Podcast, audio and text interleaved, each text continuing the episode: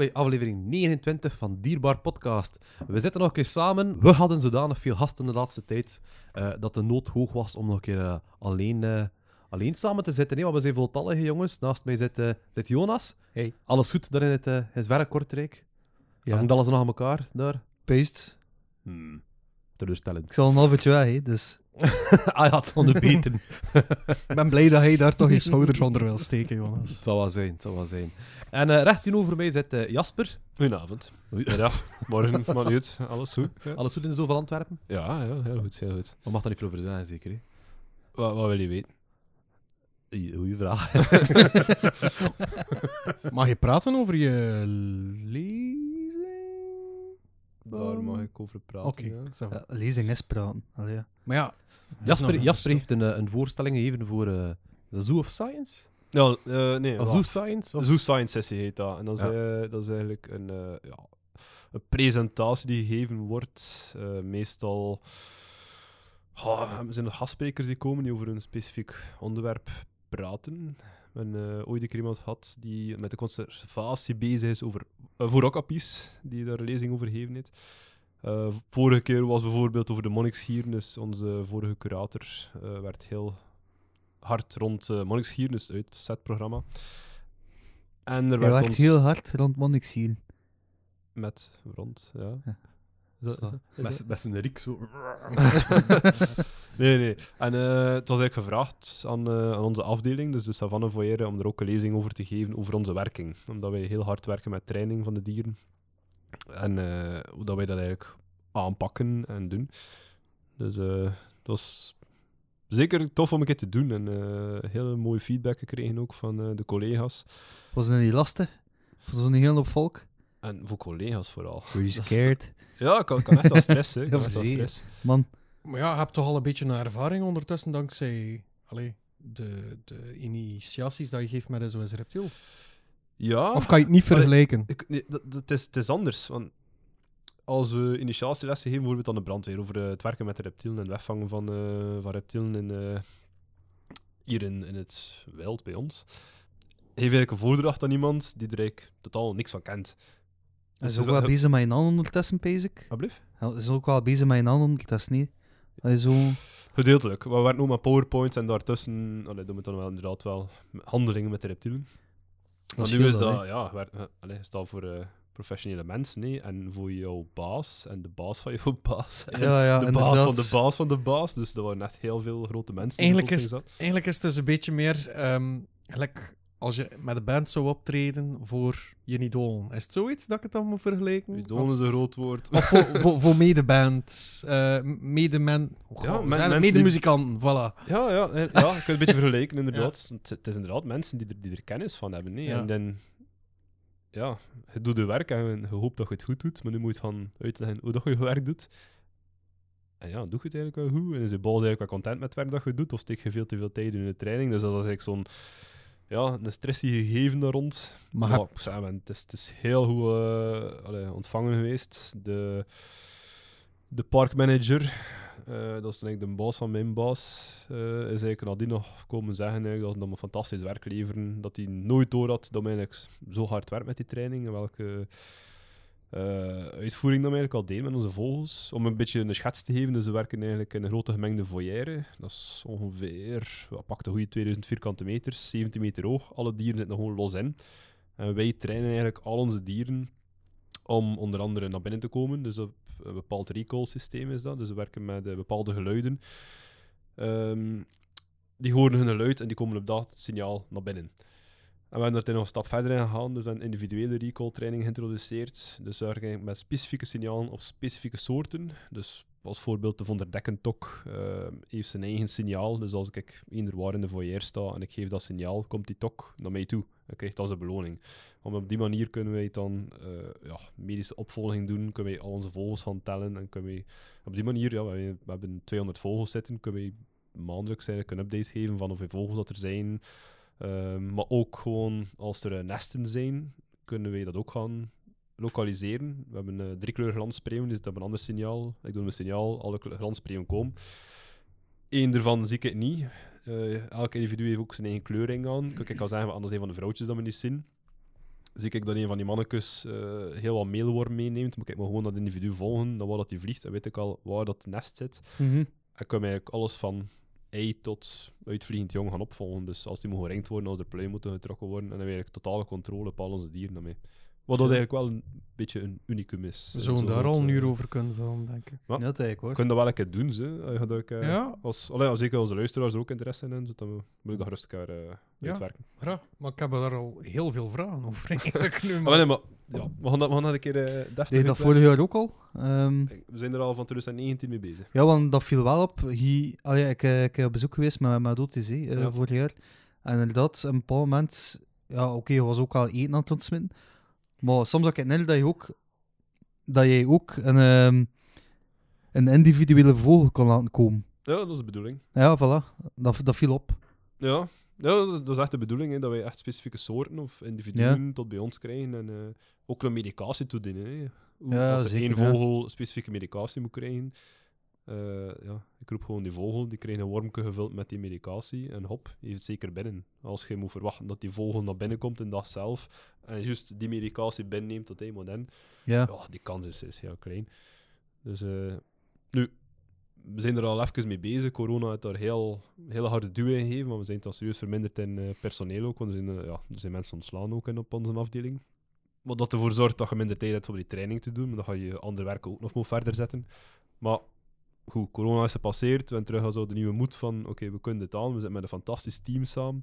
En eh, ja, we zijn er nu terug mooi aan het opbouwen om dat weer een volledige punt te krijgen en eigenlijk tot het wat de supers te creëren. Ja. Dus zelfs vogels op een weegschaal zetten. Hè. Dus, dat is eh, fantastisch om te zien. Hè.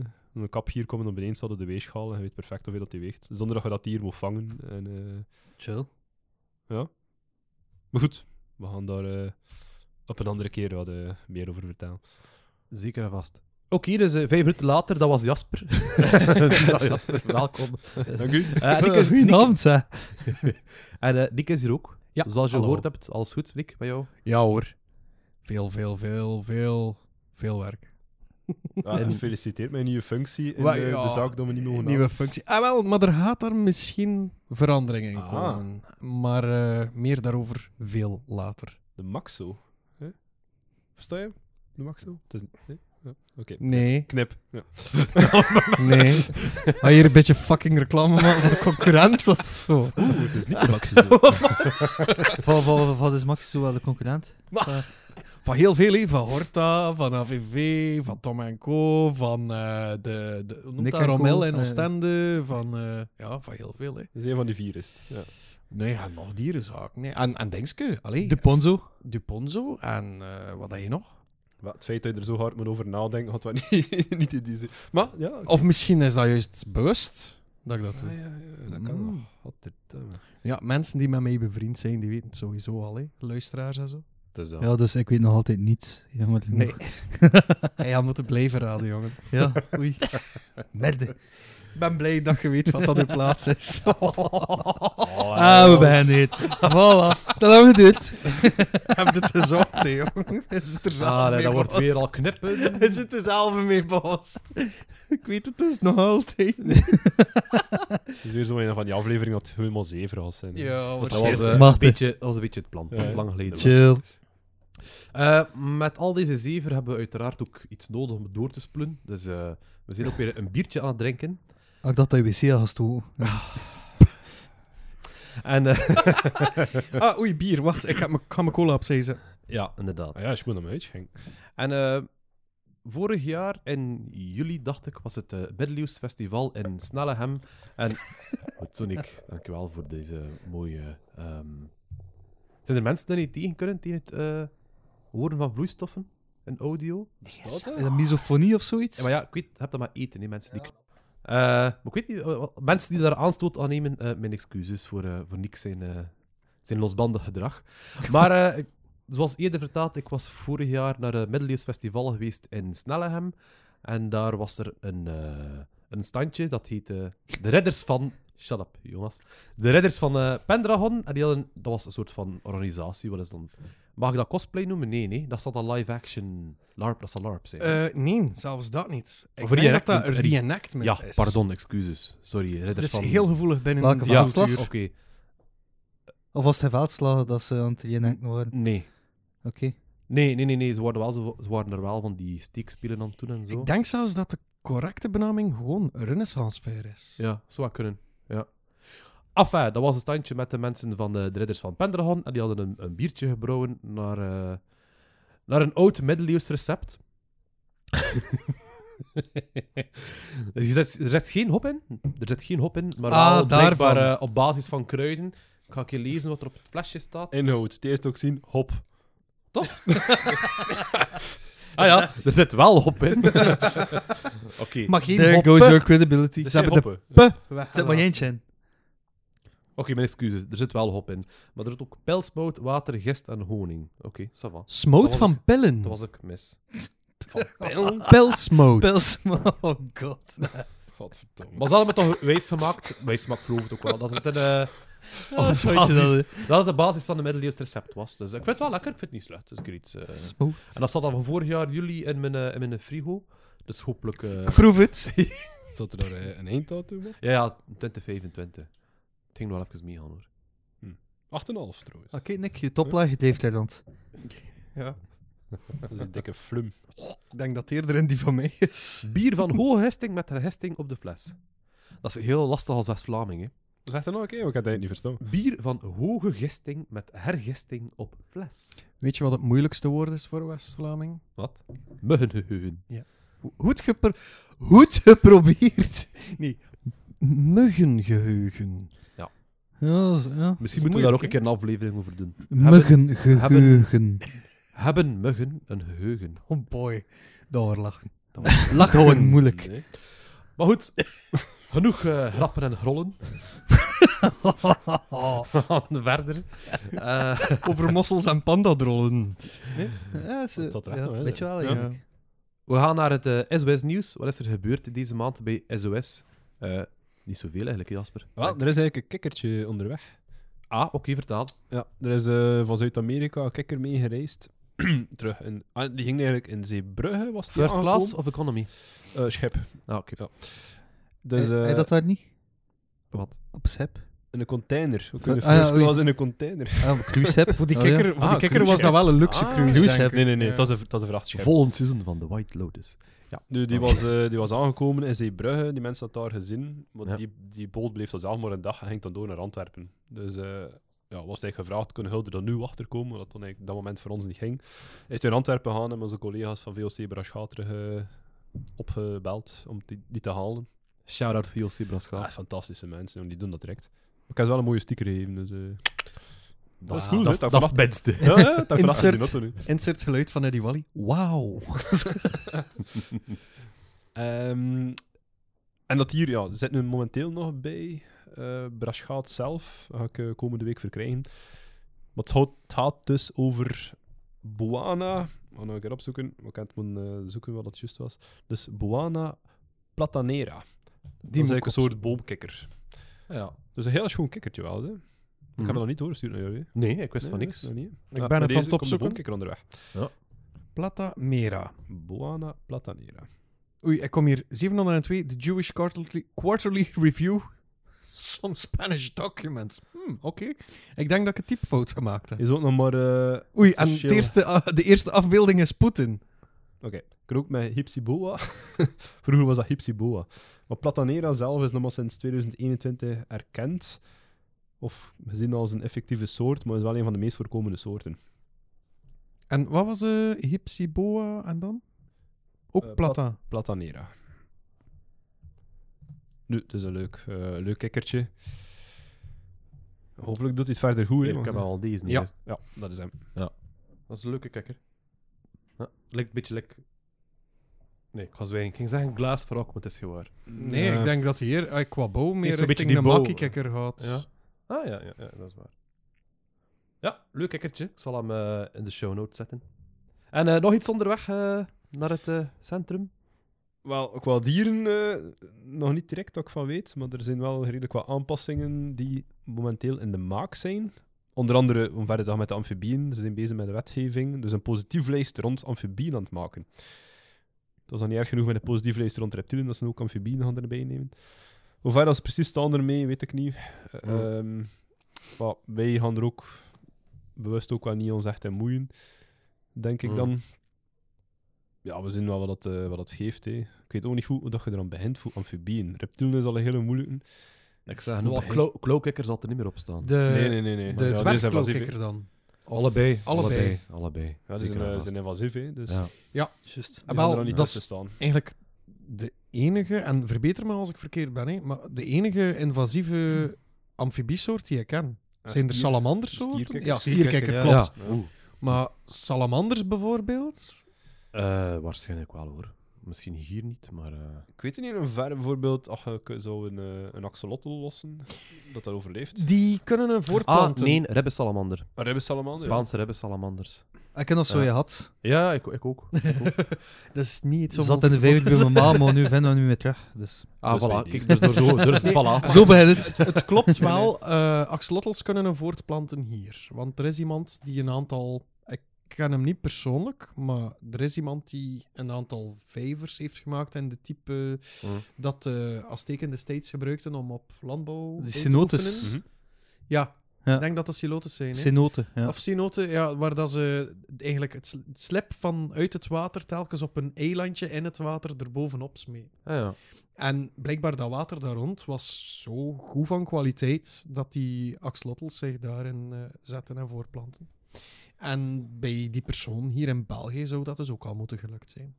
Hm. Ik weet wel niet of dat die de jongen dan in gevangenschap verder opkweekt in een aquarium of zo, dat weet ik niet. Hm.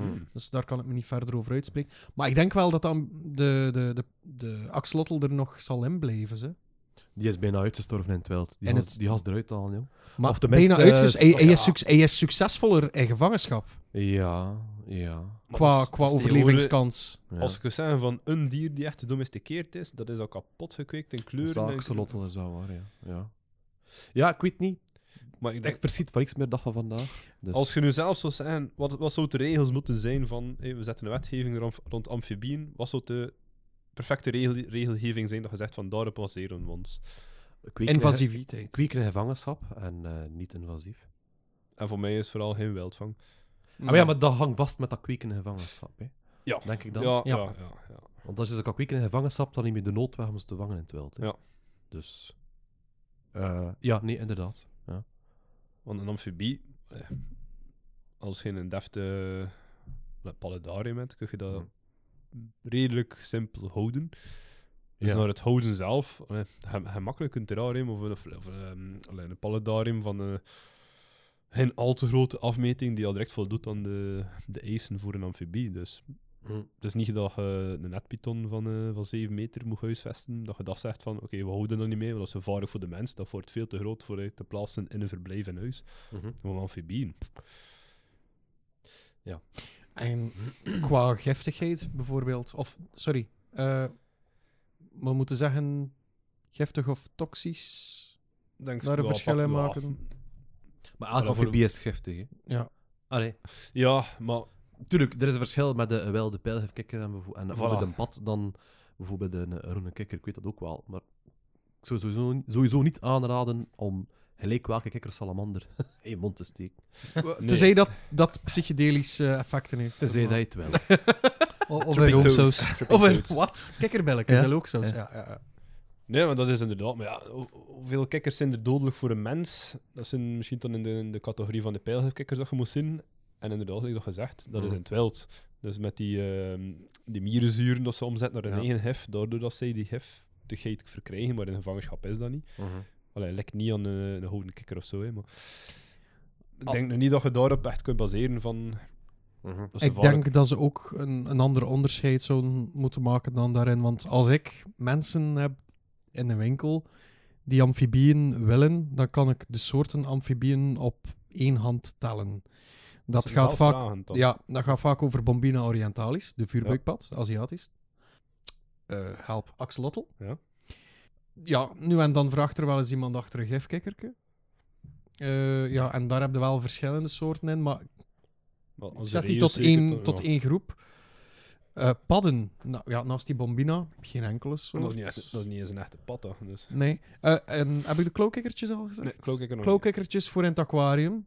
Leuk, maar ja, lekker of dat je zegt als dat ook invasief is.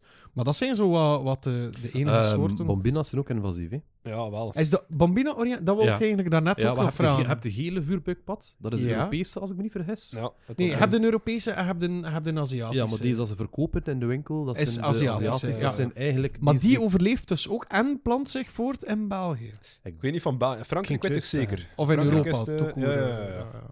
Maar er komt sowieso een keer een eh amfibie-aflevering aan, want eh, de laatste tijd is, is er veel om te doen. Hè.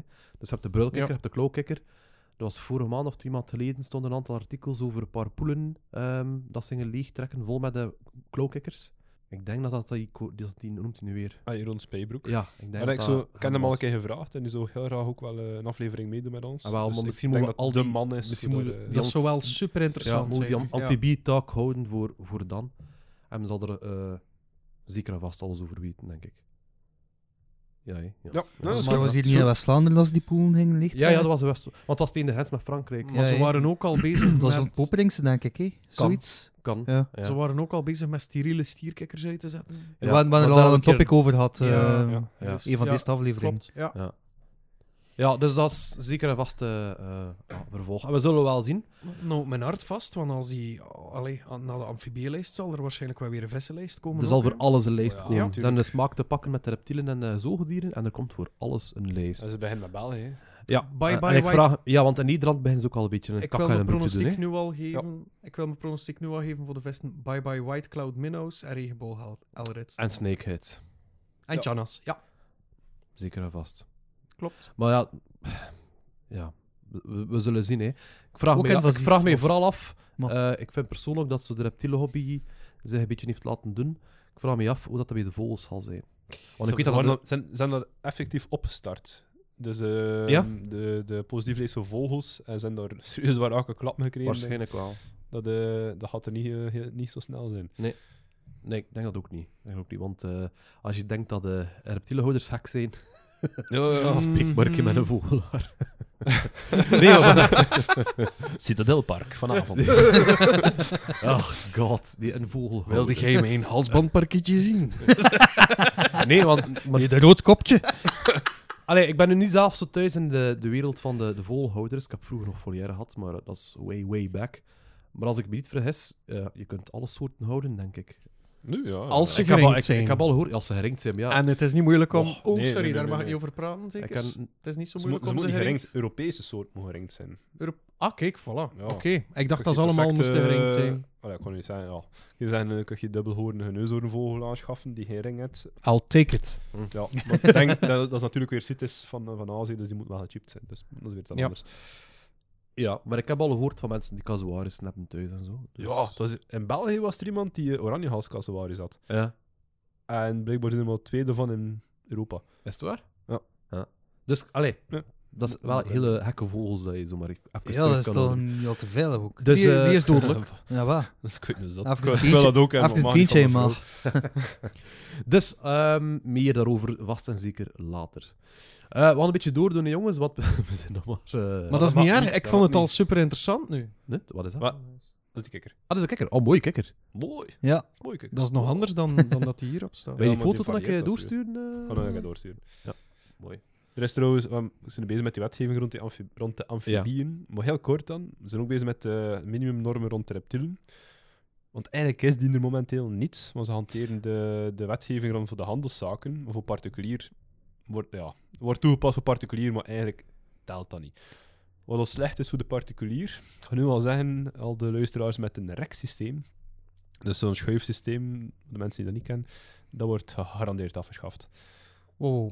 Een racksysteem is basically allemaal lades, dat zijn allemaal plastic Nee, je hebt, het over, je hebt het over het tub-systeem. Ja, tubs, hè, een rack. Ja, Ja, dat is maar zaal, hè. een rack, zie ik ook wel als, een, als bijvoorbeeld een, een, ja, een metalen frame Nee, nee, nee, waar dan nee, de kooien in staan. eh, waar dan de Het terrarium reksysteem is effectief, even voor de Met luisteraars, tubs. Hé, dat zijn, Ja. ja. ja, maar iedereen weet dat in ik. Dat zijn effectief curverboxen, eigenlijk allemaal gestapeld boven elkaar.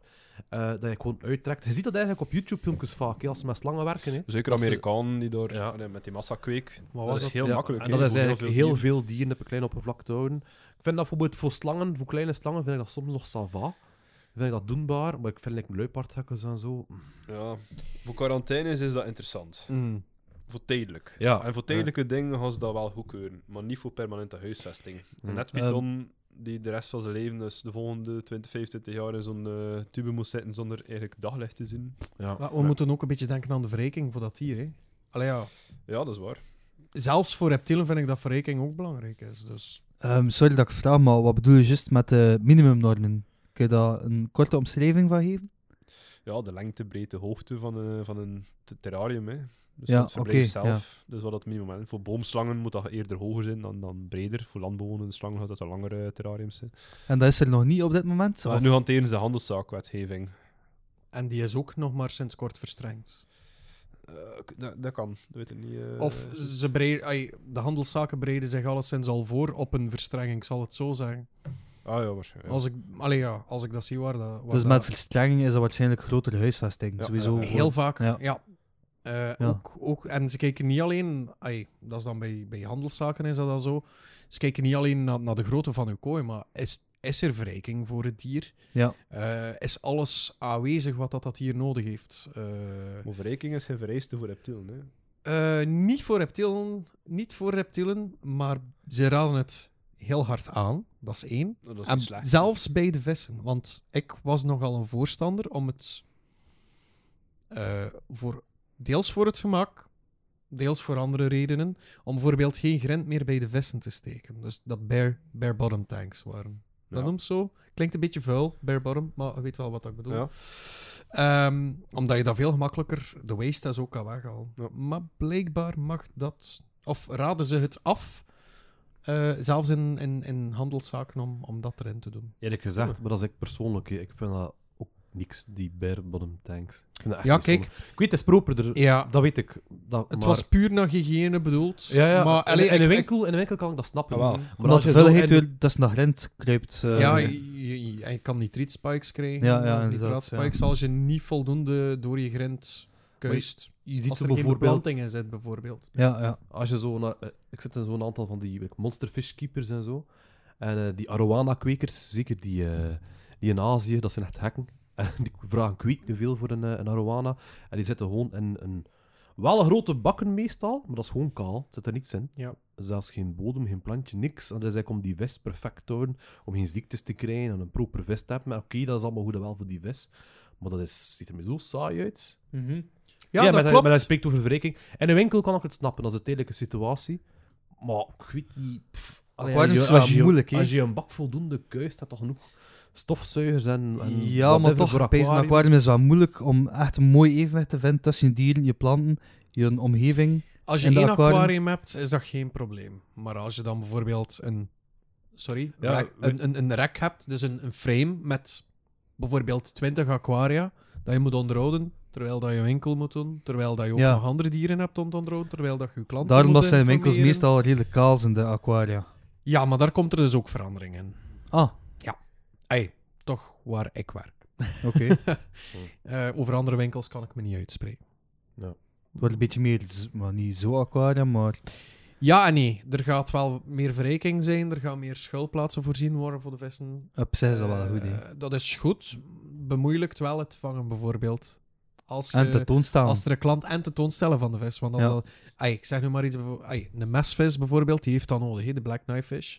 Kent u wel? Zo met Ja. die... Beetje mureenachtig. Mhm. Ah ja. En als... Ja... Nee? Nee, het- maar, maar het is niet erg. Oké. Ja. Die heeft bijvoorbeeld echt wel een, een schuilplaats nodig in de vorm bijvoorbeeld van een buis of waar dat die kan inzetten.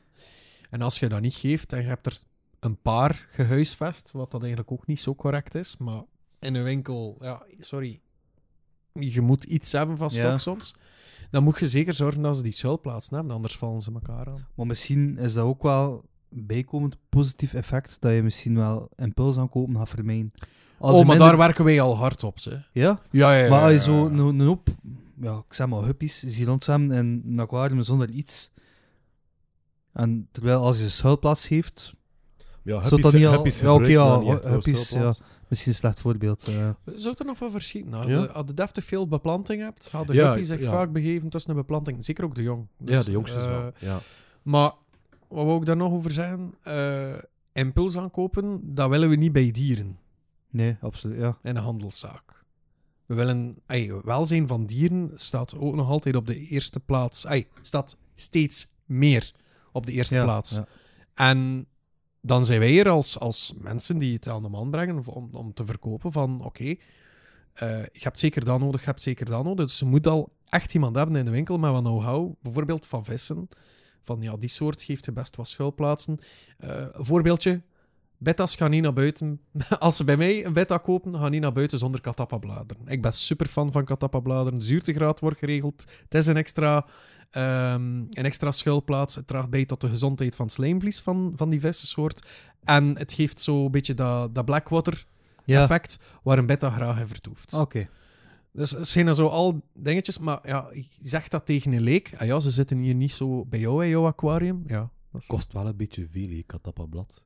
Eikenbladen zitten ook goed. Ja, tuurlijk. Maar sorry, hè, maar één eikenbladeren worden niet verkocht in... in, in, in... Het is daarmee dat ik het zeg. Ja, jongen. ja. Is dat dan Kom, verse sorry, of wat, wat, een, ehm, wat een tangent. Wat een tangent. Sorry, Marijn. Het was niet voor tegen winkel te spreken. Nee, maar, nee, eh, nee, nee, nee, nee. Maar, Zolang dat ze niet Wa- wa- sponsoren... eh, Sorry, ik zie weer vergeten welke winkel dat was. Weet je nog een jaar lang? Ja, ja, De was, Maxico. eh, Ah. Dude.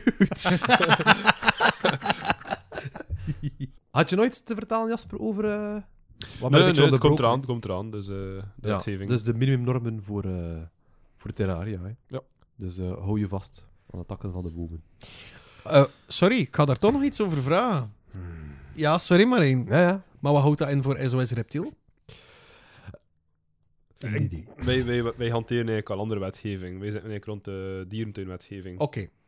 Die zijn strikter nog dan de handelszaken, zijn of niet? Nog ruimer. ja. Oké, We hebben dat nooit moeten doen, we hebben dat altijd gedaan als voorzorg. Want dat is goed.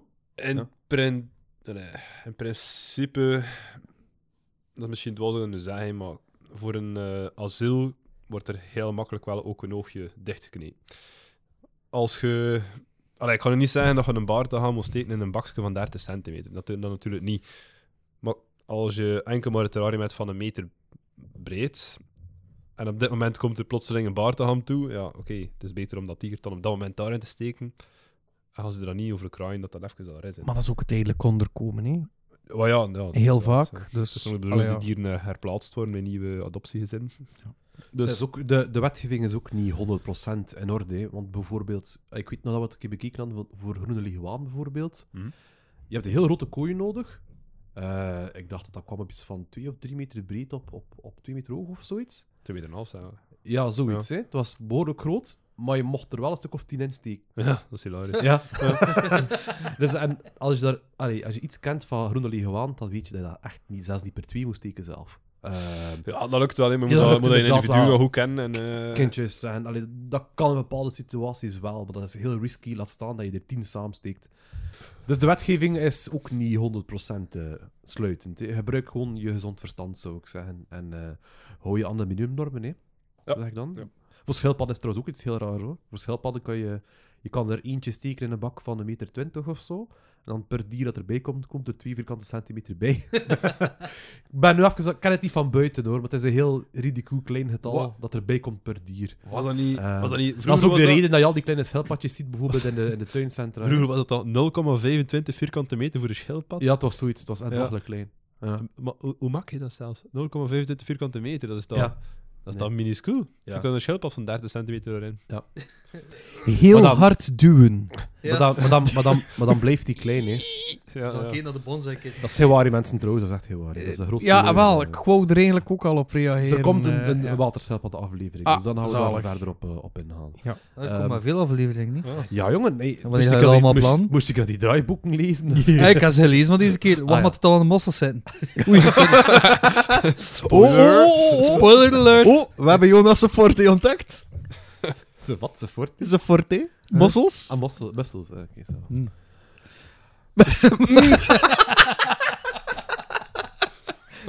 dat kwam verkeerd. Nee, dat kwam juist perfect getimed. Dan gaan we nu naar het dierennieuws. Eh, ik ga eerst iets, eh, iets vermelden. En jongens, ik had het tegen jullie trouwens, nog- trouwens nog niet gezegd. Ik ga geen dino-nieuws meer doen. Ik zie niet al kwaad kijken. Ik Maar- wist dat ik al. En Sep. Je hebt nu, je hebt nu eh, ook vogels, je hebt nu vogels zijn dino's van, eh van Koen Stijn. Eh, ik ga daar niet aan tippen of proberen aan te tippen. Dus ik ga daar niet... Maar dat, is, eh, dat is toch niet met tappen te maken, dat is gewoon ook een tof onderwerp. Ja, ik weet het wel. Sorry maar, dat eh, ik nu ik heb erop gelet, ik heb, nee, nee, maar ik, heb erop, ik heb erop gelet en de meeste artikels dat, dat ik altijd wil bespreken, doen zij ook. Dus, eh, Maar Zou we misschien dan gewoon een keer geen crossover-episode doen? dat samen met er- die Dat gasten. gaat er vast en zeker wel een keer van komen. Maar ik vind, allee, er is genoeg leuk dierennieuws dat wij kunnen eh, over babbelen. Het is ook geen Ehm, Jurassic July. We kunnen ook nog wel over. ehm, w- ja, het is dat. We kunnen ook, allee, wel af en toe een keer over dino's spreken. En eh, het volgende dier dat ik ga bespreken is ook een, eh, een uitgestorven prehistorisch dier. Eh, maar specifiek. Wat zeg je daarover, mijn oma? je moeder. Eh, maar eh, uitgesproken dino-nieuws zal ik niet meer doen. Volgende Oh. is een rechtzetting. Ik had een opmerking gekregen van Simon Vermetten. En het was in verband met het, de live-opname dat ik en Jasper gedaan hadden in de Outlook. Outpost, pardon. Oh, Outlook. de Outpost. Outlook is je mail. Ja, dat weet wel. Jij fucking boomer. Het is nog Outlook. Eh, de Outpost in de hand samen met de Graspraak, waar we dus een half uurtje gebabbeld hebben over eh, cryptozoologie. Ik weet niet meer welke aflevering dat was, 24 of zo. Zoek het op. Ehm, op Spotify. Op, op Spotify. En bij like, één, je komt er al sowieso op het. hè. Like en subscribe. like en subscribe. en eh, je had wat, eh, wat eh, terechte vragen eh, bij deze eh, aflevering, want we hebben daar gebabbeld over de Michelania. Weet je het nog, Jasper? De reuzenvaraan. Ja, dus ja, we hebben eventjes, ja, we hebben de mythe van de draak een beetje uitgelegd. Waar komt dat vandaan? Of waar denken we dat het vandaan kwam? En daar hebben we over de Michelania gesproken. Dat is een, een, een reuzenvaraan die leefde in eh, Australië. X aantal jaren geleden, daarover later meer. Zijn opmerking was: Ik vind niet meteen terug dat deze in 1100 jaar daar geleefd zou hebben. Dus ik had dus verteld in de aflevering dat hij daar zo, zo lang geleden nog leefde. Mhm. Eh, en de tweede opmerking was: hoe link je Europese middeleeuwse mythes aan een Australisch dier wanneer Australië pas in 1606 ontdekt werd door de Nederlanders? Heel terechte opmerking. Dat is een hele goeie. Zeer terechte opmerking. Nu, als eerste wou ik daarover vertellen. eh, we hebben maar een half uurtje gehad voor die live. Dus eh, je hebt eh, een zeer korte tijd om, om alles uit de doeken te doen. Ten tweede, het was, het was een. Hoe moet ik het zeggen? eh, het, het hoofdidee was cryptozoologie. Dus ik heb ook mijn informatie gehaald uit cryptozoologie-sites. Die informatie klopt niet altijd 100%, of is met een soort van bias dan geschreven. Dus achteraf gezien ja, vond ik ook wel dat het ja, misschien niet 100% klopte. Dus ik heb het nu allemaal wel een keer opgezocht hoe het precies in elkaar zat. Dus wat vertelden wij precies in de podcast? Michelania was een reuzenvaraan die leefde in Australië, eh, in het Pleistoceen. Die zou met mensen samen geleefd hebben en daar zou eigenlijk de mythe van draken ontstaan zijn. Hè? Van, verhaal, van verhalen die in mythes gewoven zijn over reuzen, hagedissen die daar leefden. Voilà, dat is de legende van de draken. Maar dat beest is uitgestorven 11.000 jaar geleden of zo. Dus zijn opmerking was, hoe kunnen eigenlijk de, ja, de kolonisators dat weten? Maar het gaat er nu over de... Hoe zeg je dat? Is dat, is dat het juiste woord? Kolonisators? Kolonisten. Kolonisten? Ja. Dit gaat over de aboriginals. Dus de mensen die Ah, daar de- 35.000 jaar geleden, ik heb het opgezocht, Ja. of zoiets. De verhalen zijn de, die eerste, zij zijn, ja, zijn de eerste mensen in Australië toegekomen. Ik denk dat dat dan van Indonesië kwam, waarschijnlijk. De eerste mensen? De nu... Nee. Of Papua Nieuw-Guinea misschien? Ja, geen idee. Oké, eh, zoek het op de bol. Tot. Meccano's. Ehm, en zij hebben met dat dier samengeleefd en zo op die manier dan, ja, het in een ver- verhaal en de mythes Eigenlijk- verwoven. En doorvertaald op het moment dat eigenlijk de, de kwade blanke man...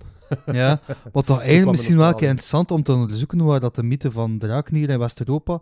Want, ah ja, in de Bijbel is er ook wel sprake van draken, hè? Ja, ja, ja. En Dus waar komt dat, van- dat dan vandaan? Want dat is ook al een boek van 2000 jaar oud. Ja, maar dat boek is ook duizend keer vertaald. Dus ik denk niet. En, Ja, maar- duizend keer vertaald en geïnterpreteerd. Ay, sorry. Maar, Maar, maar wacht, dat Even, is waar, eerst, ja, sorry. eerst inpikken, jongens. Dat was één aspect van het drakenverhaal. Er zijn uiteraard nog andere manieren waardoor de legende van de draken kan tot, tot leven gebracht worden. Hè. Er zijn mensen die dieren verkeerd interpreteren of zo. Snap je? Het gaat hem niet enkel over Megalania. Het was gewoon... Ik herinnerde mij, dat van een documentaire dat ik ooit een keer gezien had op, eh, op National Geographic. Dat eh, specifiek dat punt aanhaalde. Dat het een mogelijkheid was waar dat verhaal vandaan kwam. Maar er zijn er waarschijnlijk nog, hè. Eh, Misschien ook voor een ontdekking van schedels. Hè. Zo is uh, Voilà, de de- cycloop de- ook de- ontstaan. Hè. Voilà, van, eh, was een van, olifant. Van een olifant, ja. Ja, inderdaad. Dinosaurustanden die gevonden werden in, eh, Ah, voilà, in Noord-Amerika, bijvoorbeeld in de Hell Creek eh, Formation. Indianen dachten ook dat het drakentanden waren, maar dat waren eigenlijk gewoon dinosaurussen. Eh, maar goed, ik heb wat informatie opgezocht over Megalania. Eh, om dat dier wat beter te schetsen. Uh, ik kan een blauw pakken, nog wel weten. Maar ja, werk aan het. Ja. Ja, mooi. En met die fijne potlood. zo. Ja. Dus, Megalania. Vroeger was de wetenschappelijke naam voor Megalania Megalania prisca. Was eh, genoemd door Richard Owens in 1859. Ik denk dat Richard Owens een van die bekende paleontologen was. Eh nooit gehoord van de Bone Wars. Ik dacht dat Richard Owens er ook iets mee te maken had. Maar enfin, maakt niet uit. Megalania prisca is nu veranderd van naam. Wat gebeurt er niet? Nee, ja, ik moest enorm op mijn vinger bijten en op mijn tong bijten om niets te zeggen. niets te zeggen op het woord The Bone Wars. Maar Ah ja, oké. oké. Dat is ook iets. Dat blijft, Flap, flap, flap. Schermen met mannen. dat, dat u negen. Oh. De middeleeuwen waren zalig. Hele nieuwe definitie van steekspelen. Ehm, Recht in de roos. in de anjer. Oh, dat heb ik knippen ze, man. Ehm, maar goed, bij de ontdekking van Megalania wisten ze niet echt waar dat ze die moesten situeren in de, de Tree of, Life. Ehm, maar nu weten ze dat wel, want het was basically een grote varaan, dus zal het waarschijnlijk ook wel onder de varanen behoren. Dus nu heet hij gewoon simpelweg Varanus priscus. Dat is nu de wetenschappelijke en ook officiële naam voor de Megalania. Eh, hij leefde in het Pleistocene en de Ple- Pleistocene loopt van 2.580.000 jaar geleden tot 11.700 jaar geleden. Vandaar die 11.000 jaar geleden waar ik van vertelde. Dat is gewoon het einde van het Pleistocene, maar niet per se het einde van Megalania. Goed? Ehm, Mhm. Ze vermoeden dat, dat hij ongeveer van 3,5 tot 8 meter lang werd. Nu, Simon sprak, gaf ook nog een opmerking eh, dat ik zei dat hij 10 meter lang werd. Eh hij zelf vond dat niet terug. Wel, ik was eigenlijk mis. Ze weten niet hoe lang Megalania eigenlijk werd. Ze schatten van 3,5 tot 8 meter. Maar waarom schatten ze dat? Ze hebben nooit een volledig skelet gevonden van Megalania. Dus wat moet je dan doen? Is je baseren op hedendaagse varanen. Ja, en daar de verhoudingen van nemen dan. Voilà, de Ja. verhouding van nemen. Maar als je bijvoorbeeld de verhouding neemt van een Komodo-varaan, dan kom je uit op een dier van ongeveer 6, 7 meter lang. Maar als je de verhouding neemt van bijvoorbeeld een, eh als ik zeg, een Nijlvaraan, of bijvoorbeeld een Varanus varius, kom je op een hele andere afmeting Mhm. uit. Dus ze kunnen niet anders dan ergens een grofweg weg schatting hebben van oké, 3,5 tot 8 meter Ja. lang. Jasper, welke varanen leven er in Australië? Nu, Het grootste deel De grootste varaan. Uh, Varanus giganteus. Dat is de, de Is dat reuze varaan. De reuze Ja, de. Parenti, ja. ja, Dat is. Parenti, hè? Je hebt ook nog Varius. Varius zijn onder andere. Ja, alle dwergvaraan zitten er praktisch. Uh, Ja. Panoptes. Uh, pff, wat heb je nu nodig, ja? Eh, Ja. Reptielen, ai, sorry, niet echt de leek, maar vooral varanenleek dan. Eh steppenvaraan is niet vandaag. Nee, is. Afrikaans. of stekelstaart? Dat is, Af- dat is Af- eh, Australisch. Australisch. ja. Ah, ja, maar dat is een dwergvaraan dan, of niet? Dat behoort tot de dwergvaraan. oké. ja. Ja, ik vroeg dat gewoon even, omdat is één, één van deze soorten is hoogstwaarschijnlijk eh, de rechtstreekse afstammeling van Megalania. Dat zijn ze behoorlijk zeker, maar ze weten nog altijd niet welke. Is het Parenti? Eh, het kan ook Komodo-varaan zijn, die niet meer leeft in Australië, maar wel bijvoorbeeld op de eilanden in het Maar ja, en noorden hoe ver... ervan. Allee, misschien een stomme vraag, maar hoe ver zaten de verschillende landen nog aan elkaar gekoppeld op dat moment? Pleistocene. Ja, dat is 11.000 jaar geleden, dat zal Dat zal wel zoals zijn. hedendaags zijn, denk ik. Hè? Zoveel verschil. Ja, Misschien de zeespiegel misschien wel iets anders Ja, zal staan. Ja, dus dat, dat er misschien nog landbruggen tussen eh, Ja, dat verschillende kan. landen of eilanden zaten. Dat gaat dat wel... Ja, dat, dat, dat kan. Moet je aan het denken aan Komodo bijvoorbeeld. hè. Komodo ja. is ook Sorry, afgesplitst. Ja. Sorry, eh, jij zei daarnet iets van Pleistocene, hè? dus die zou daarin geleefd Ja. hebben. Hè? Maar het Pleistocene is tot 11,7 duizend jaar geleden. Ja. En jij sprak van 1100 jaar. Ja, nee, ik had dat verkeerd gezegd, pardon. Maar het is, Ah, ik zei direct wel 11.700 jaar geleden. Ah, oké, sorry. Ja, ja, ik heb het... Oké, sorry gasten als ik een nulletje verkeerd gezegd Nee, nee, nee, geen probleem. Geen Eh, probleem. Maar ik wou toch nog een keer... ja. eh, Nu, wat leefde er allemaal in, eh, in Australië? Nick, je hebt ook nog eh Ark gespeeld. Hè? Ja. Procoptodon bijvoorbeeld, de reuze kangoeroe. ja. En eh Diprotodon. Dat is eigenlijk een, de reuze wombat. Ah, Eh, juist. Varanus, Ja, oké. Varanus priscus zal er waarschijnlijk op gejaagd hebben. Er was ook sprake van dat Varanus priscus waarschijnlijk het grootste, giftigste landdier was ter wereld. Weet je waarom, Jasper?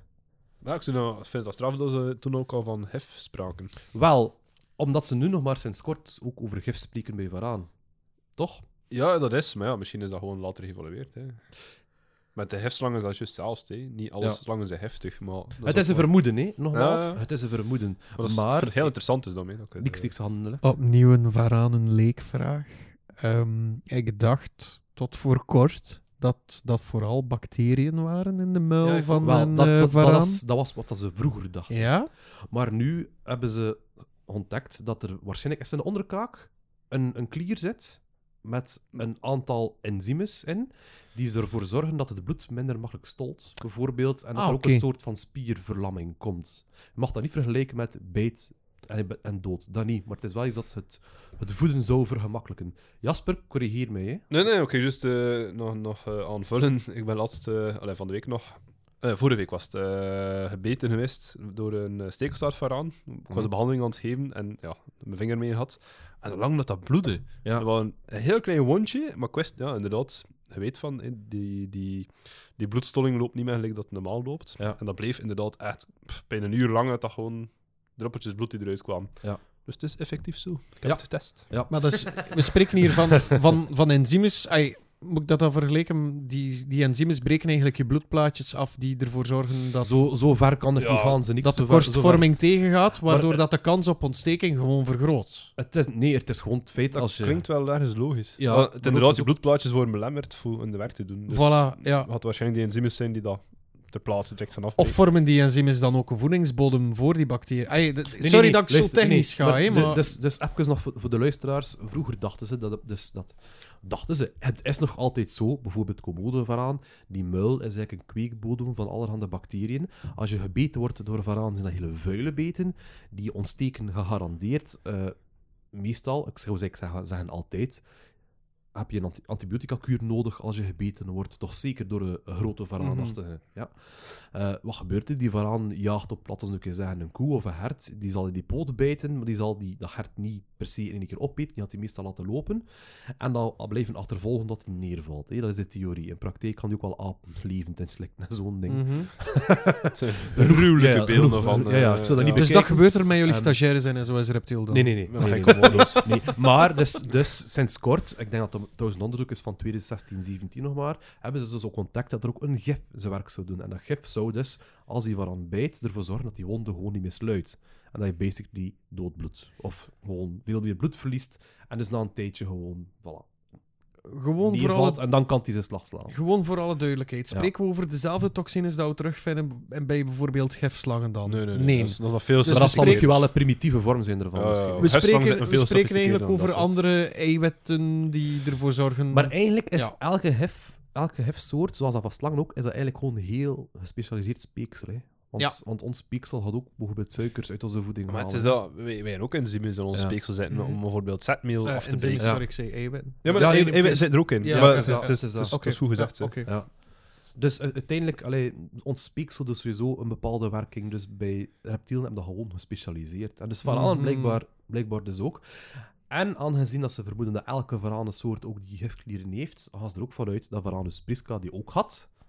En dat het dus ook een heel groot, zwaar, heftig dier was.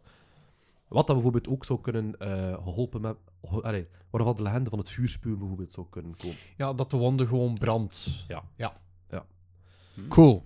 Goed. eh, maar hij was uiteraard niet eh, de hoofdpredator. Er waren nog andere predatoren, da- predatoren daar. Bijvoorbeeld Tilacolio, de buidenleeuw, leefde op dat moment daar ook.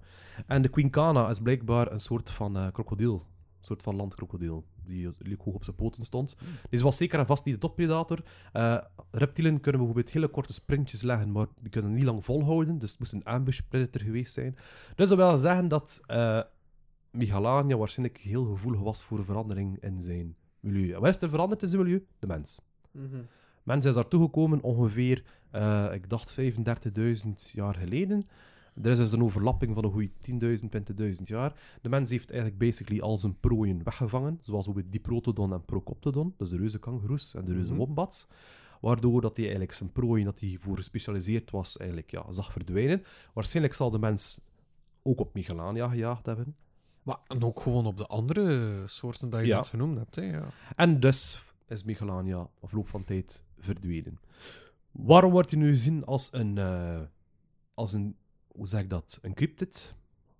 Ja, hè, cryptid is het correct Ja. woord. Als een dier die nog zou kunnen bestaan. Is basically, mensen vermoeden dat ze er geen gezien hebben. Die hebben bijvoorbeeld voetsporen gevonden of zo, of grote varanen gezien. Eh, er zijn een, al, een aantal argumenten die dat tegenspreken waarom dat hij nog zou kunnen bestaan. Ten eerste, die is nu groot. Ja. Dus dat zou je moeten zien. Ja, dat ze moeten opvallen. En ten tweede, er zijn niet genoeg prooien om een dier van dergelijke grootte in stand te kunnen houden. Toch zo'n soort, of toch een populatie, maar een we bepaalde zitten bezig- populatie. De, de grootste populatie aan zit in Australië. Dat zijn beesten van 6 meter. Mhm. Ja, klopt. Want dat zijn de argumenten die dat dus tegenspreken waarom nog zou leven. Er zijn ook een aantal argumenten die zeggen, oké, ik kan wel nog leven, ten eerste. Australië is kwijt niet groot. Ja, ja, ja. En Heel hey, veel- wij zijn daar geweest, bijvoorbeeld. De, Alice Springs is een, een stadje, maar rond, daar rond is er niks. Hè.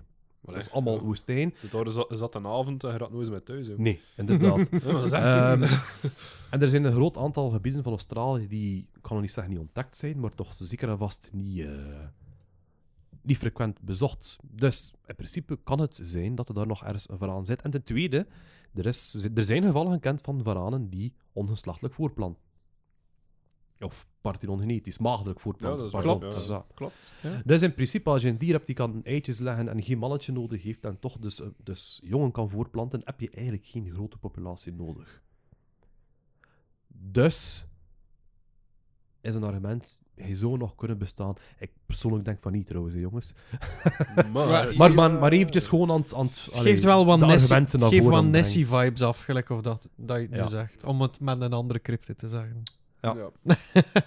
Eh, trouwens, eh even er nog bij vermelden, dat was met grafspraak dat jullie daar zaten. Ja. Ja. Ik ben eh, een tijdje terug te gast geweest, ook bij eh, Grafspraak.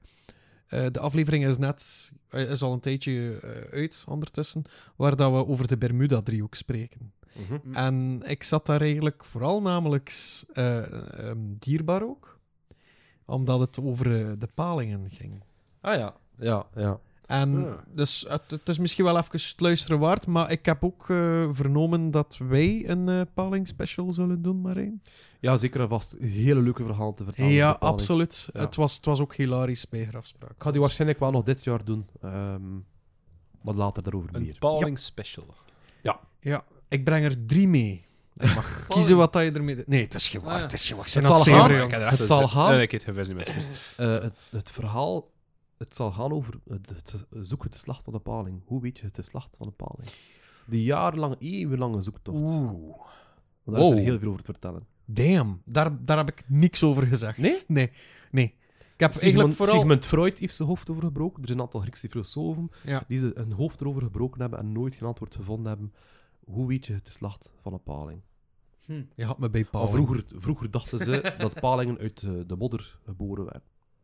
Beetje gelijk eh, goblins. Ja. Of orks, volgens Tolkien. dus daar later over meer. Ik zie Jasper heel... eh, Ja, ik vind, ik vind het ja, intrigerend. het is een zeer intrigerend. Yes. Ja. Dat is een beetje... Maar overal met cryptics ook. Ja, misschien. Maar Ook. eigenlijk is een paling ook een beetje zoals een cryptid. Hè. Ja. Als je ziet wat dat, dat doorheen zijn leven meemaakt. Maar ja, we moeten dat sparen Nee, voor is dan, dat, hè. wat We dat voor sparen. moeten dat Ja. sparen voor Ja. dan, hè. Ja. Ja. dat is waar. Dat is Ja. een toffe aflevering. Eh, ik kijk nog vlug, vlug eventjes in mijn notes over, eh, over Michelania. Eh, de jongste fossielen zijn gevonden, zijn 50.000 jaar oud. Oei. Dat ze gevonden hebben. En de mens was daar dan blijkbaar al, dus al langer dan, eh, was al 15.000 jaar aanwezig op dat moment. Oké. Die Dus- Aboriginals hebben daar ook alles gehad, hè. Aliens, dat schijnt, volgens hun muurtekening. Draken. Ofwel, ofwel konden ze echt Kolonisten. tekenen. Ofwel konden ze echt gewoon niet tekenen. Of ze kon niet, hè. Dat kan ook. Dat Is kan dat. ook. Dus ja. Dus ja, Simon, hopelijk eh, hebben we je vraag daar een beetje mee, eh, mee beantwoord. Ik weet dat we soms een beetje chaotisch door elkaar kunnen eh, zeveren, maar Sorry. hopelijk zat er toch een bepaalde rode draad in, eh, waar je toch iets van deftige informatie Dus wat was de eigenlijke rechtzetting nu? Volgens de uitspraken van Simon, dat het eh, inderdaad, eh, speculeren is wat dat de lengte is. Mhm. Dus- Ja, dus de, ja inderdaad. Ja. Het tijdstip is meer volgens vertelsels dat jij meer wou eh, Ja, ja, ja, ja, illustreren. ja. Dus de kolonisten, ja. de kolonisten hebben nooit de Megalania gezien, Ja, maar wel de, De Aboriginals. de vertellingen En ervan. deze die op dat moment leefden, hebben ook nooit geen Megalania gezien, maar kunnen het wel via verhaal of via mythe en legende zo doorgekregen hebben. Voilà. Dus dat zijn de antwoorden op zijn bemerkingen. Hè. Top. Yep. Oké, dat, was, eh, dat was de rechtzetting. Nu gaan we nog eh, naar eh, vlug wat dierennieuws bespreken. Hè? Vlug, vlug. Jongens, hey, kom. Dat heeft wel lang geduurd, hè. Mijn, mijn bier is nog niet op, dus kom. Of ligt dat aan het is mij? zo laatst Ja, van mij staat op. Sorry. Dat ligt misschien aan mij. Ah, het nieuws, ja, kunt, niet opdrinken. Oh, dat is- dat is dat goed voor de... Ah, Dat is, dat, is eten, dat, is, dat is eten en drinken topen, jongen. Zo zeggen we dat in de West-Vlaanders. Goed, wie gaat er beginnen? Heeft er iemand toevallig een nieuwsje over mossels of zo? ja. ja, het is een vette. Mooi. Dus ik was eh, op zoek naar een eh, leuk artikel. En er sprong eigenlijk een, eh, ja, mooi in mijn oog. Oei. Ja, ik kan, het kan de titel in het Engels even voorlezen. Go for it. Remarkable squirting mussels captured on film. En dat sprong in je oog. Die Maar- squirt. Allee, dat is een Ja, maar, wetenschappelijk... ja, zo, ik, ja ik, ik weet het. Ja. Dus stel je daar vragen bij. Ja. Dat is een wetenschappelijk artikel. Hè. Dat is Dat echt, is een porn... Nee, ja, sorry. Dat is hetzelfde als al die eh, Uranus-artikel. Ja, dat is dat een beetje om, omgedaan. Hè. How- Dat mag, hè, voor een keer. How does Uranus smell? Mhm. Ja. Nobody knows. Gassy. Vertel verder, ik ben geïntegreerd. En geïntegreerd. Oh, whatever. Sorry, ja, om verder te gaan. het gaat dus over eh, de bedreigde Unio crassus, of de Bataafse stroommossel. Dat is, eh, dat is, een speciale naam. Go for it. Ja, nee, nee. Nee, dat is eh, een mossel die in, eh, in Europa voorkomt, en eh, West-Azië. En eh, doet het eigenlijk behoorlijk slecht bij ons. Vooral door, ik, eh, door de... Ook al die indruk had. Alblieft? Sle- slechte waterkwaliteit. Ik moet echt iets, iets coherent kunnen uithalen, jongens. Maar ja, we bezig met zijn- met zijn onderwerp ook. Maar kom aan. Ja, wat je bij hier dat hier weer is, hè? Wow, wow, wow. Hey, het was mijn eerste en we hebben al drie keer knippen, nee. Die moet er wel in blijven. Die is geniaal. Oké, zeg maar verder. Gewoon verder gaan? Ja, oké. Ja, probeer maar. Dus eh, die komt voor in Europa en West-Azië. En doet het dus zeer slecht, door eh, vooral slechte waterkwaliteit. Dus de waterkwaliteit in eh, de meren die het vooral eh, naar beneden gaat. En de vernietiging van een habitat. Dus dat de mossel zelf geen habitat meer heeft om in te overleven. Dus enkele kenmerken over de Bataafse stroommossel. Het is een tweekleppige, dus de meeste, of eigenlijk alle mossels zijn tweekleppig. En die filteren eigenlijk continu water. En door het water te filteren gaan ze plankton opnemen, die dan eigenlijk dient als voedsel. Nu, wat is er zo speciaal aan die Bataafse stroommossel? Nu, in de lente zelf ehm, gaan de vrouwelijke dieren, mag ik dieren noemen, gaan Ja, die eigenlijk naar het, jawel, ja. Dus dan gaan die naar het wateroppervlak, dus die hechten zich ter hoogte van het wateroppervlak. En die gaan, het gaat een beetje vreemd klinken, die gaan eigenlijk water stuwen naar boven toe,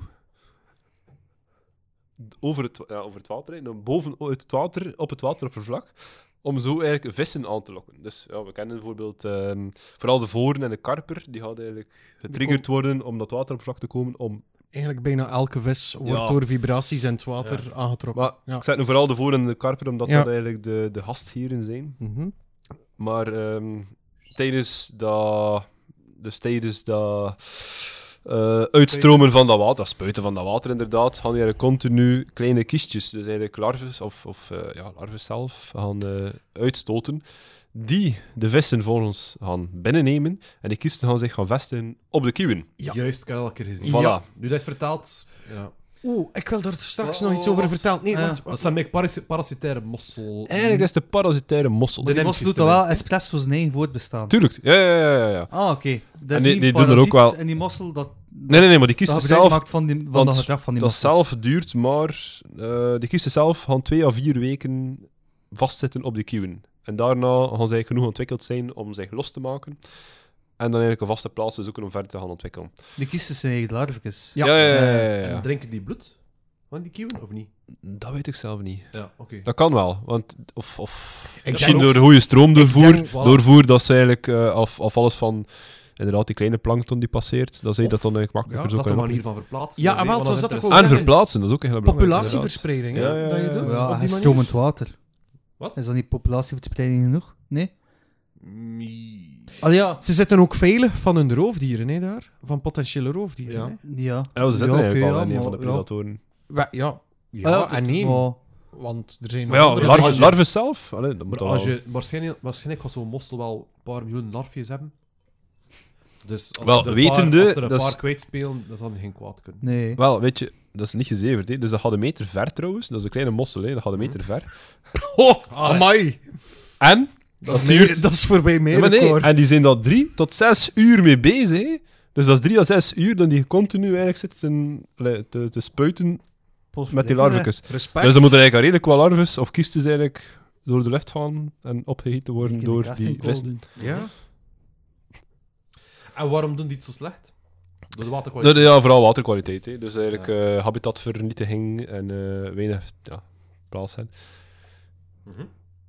Nu ja, nu, eh, om, om een keer een leuk weetje ook. De leeftijd van die mossel zelf, eh, die gaan eigenlijk meestal tot 35 jaar in warme habitatten, maar in de koudere, als je weer naar het noordelijke gedeelte, kun je zelfs tot 200 jaar oud worden. Wow. Nee, maar ik heb dus wel een beetje van een déjà vu, want we hebben een keer gepraat over die mossels die een franjes gebruikten om eh, vissen te imiteren. met die hengeltjes. ja, Ja, juist. Dat is die- cool, hè? die- dat was precies een... Ja, die Amerikaanse mossels, hè? Ja. Ja. Ja. Ja, die die Amerikaanse vooraan. mossels eh, Ja. onderschat ze niet, hè. Maar, eh, Ik zeg niks. maar dat was ook zo een waar dat, eh, de larven zich dan ook vastzetten in de kieuwen, hè. Ja, Ja. juist. Ja.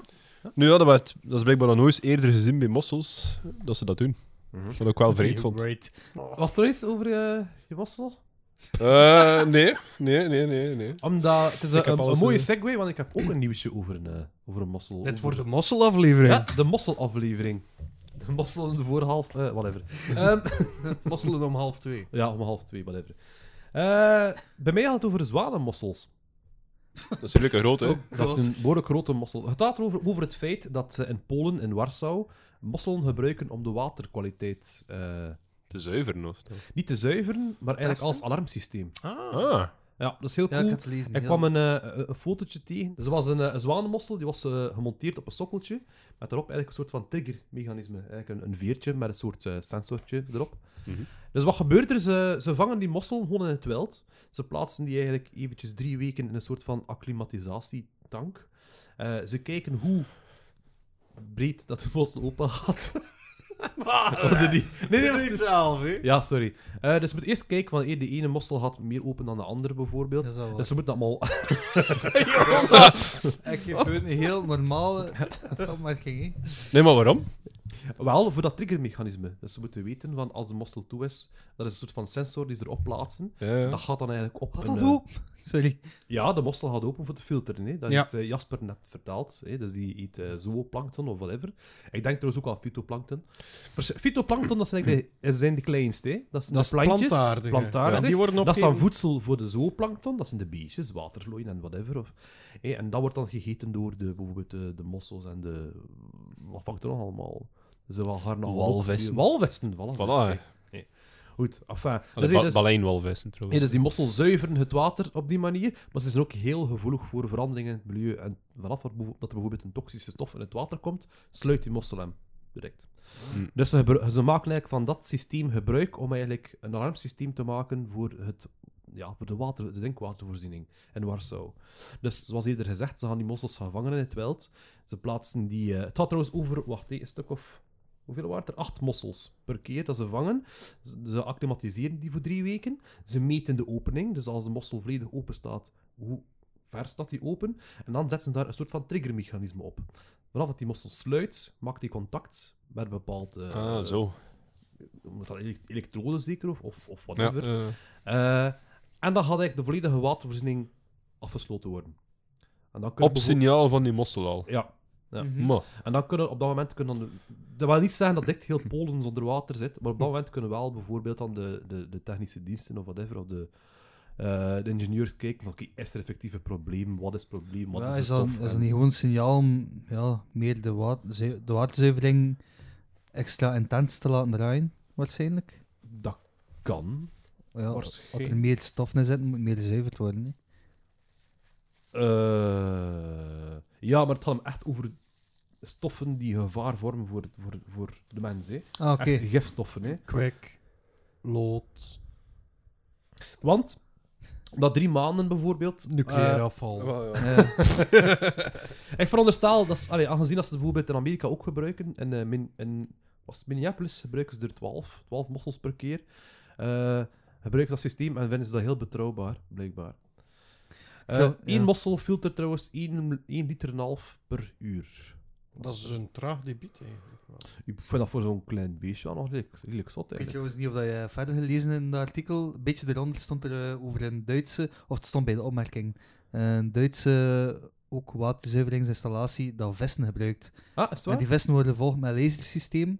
Wat? Ja, eh, en van het moment dat die vesten radical behavior beginnen te vertonen, dus die lasers volgen constant Ja. die vesten, van het moment dat die vesten radical behavior, ja, hoe vertaal je dat? Een beetje... Ja, Dat is ik, denk, ik denk een dat je het beetje best, ik denk, ik denk dat je het best kan vergelijken met als ze kalm zijn, volgen ze een bepaald patroon. En met erratical is het een, een, een onvoorspelbaar Een chaotisch patroon. patroon. Ja. Dat ze onrustig En zijn van het moment Ja. dat ze onrustig begint te worden, inderdaad, eh, hetzelfde ja, Ah, ehm, oplossing. Ja, dat stond ietsje eronder. En eh, een van de opmerkingen erbij was van ja, typical those Germans always have to use high-end stuff. Met de lasers, hè. High-end. Ah, ja, oké. High. ah, oké. oh, High and ah, high five that. Oké. Dus ja, dat was eigenlijk, ik vond het wel heel, eh, heel interessant. Hoe dat ze eigenlijk nog altijd, eh, de dag van vandaag hebben ze echt een zotte technologie. En toch gebruiken ze nog altijd de natuur. Ja. Dus- Allee, Wat ik nog over, over vertellen trouwens als laatste, eh, dus na drie maanden eh, komt er een soort van gewenning bij die mossels. En moeten ze eigenlijk die, mot- die mossels terugplaatsen in het Ja, wel. En ze, mar- ze markeren ze dan zodanig dat ze ze niet terugvangen. Dan gaan ze eigenlijk nieuwe mossels vangen. En wat als ze ze opnieuw acclimatiseren ergens anders in, in een ander eh, aantal waterwaarden en dan opnieuw zouden gebruiken? Is dat getest geweest? Maar ik denk dat het gewoon makkelijker is om gewoon nieuwe te gaan vangen. Oké. Denk ik. Ja, want ik die had al gelezen, de mossel hè? wordt 45 jaar oud, wist je dat niet? Ja, het wordt oud, hè? 45. Ja, dus een oude mossel. Maar dus, om met een, eh, een, een, een zeemanswijsheid te eindigen, sluit de mossel zich meteen, dan is er een probleem? Dat lijmt zelfs niet.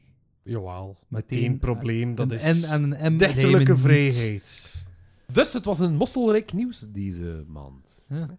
Eh, is het mosselseizoen? nu? Ik weet het eigenlijk niet. Nee, nee. alle dat, is in de winter, toch? dat is in de winter toch? Hè? Maar blijkbaar, eh, vroeger was het alle maanden met een R, maar nu is dat niet meer van toepassing. Omdat er constant het jaar door mosselkweek is, waar we alleen maar blij voor kunnen zijn.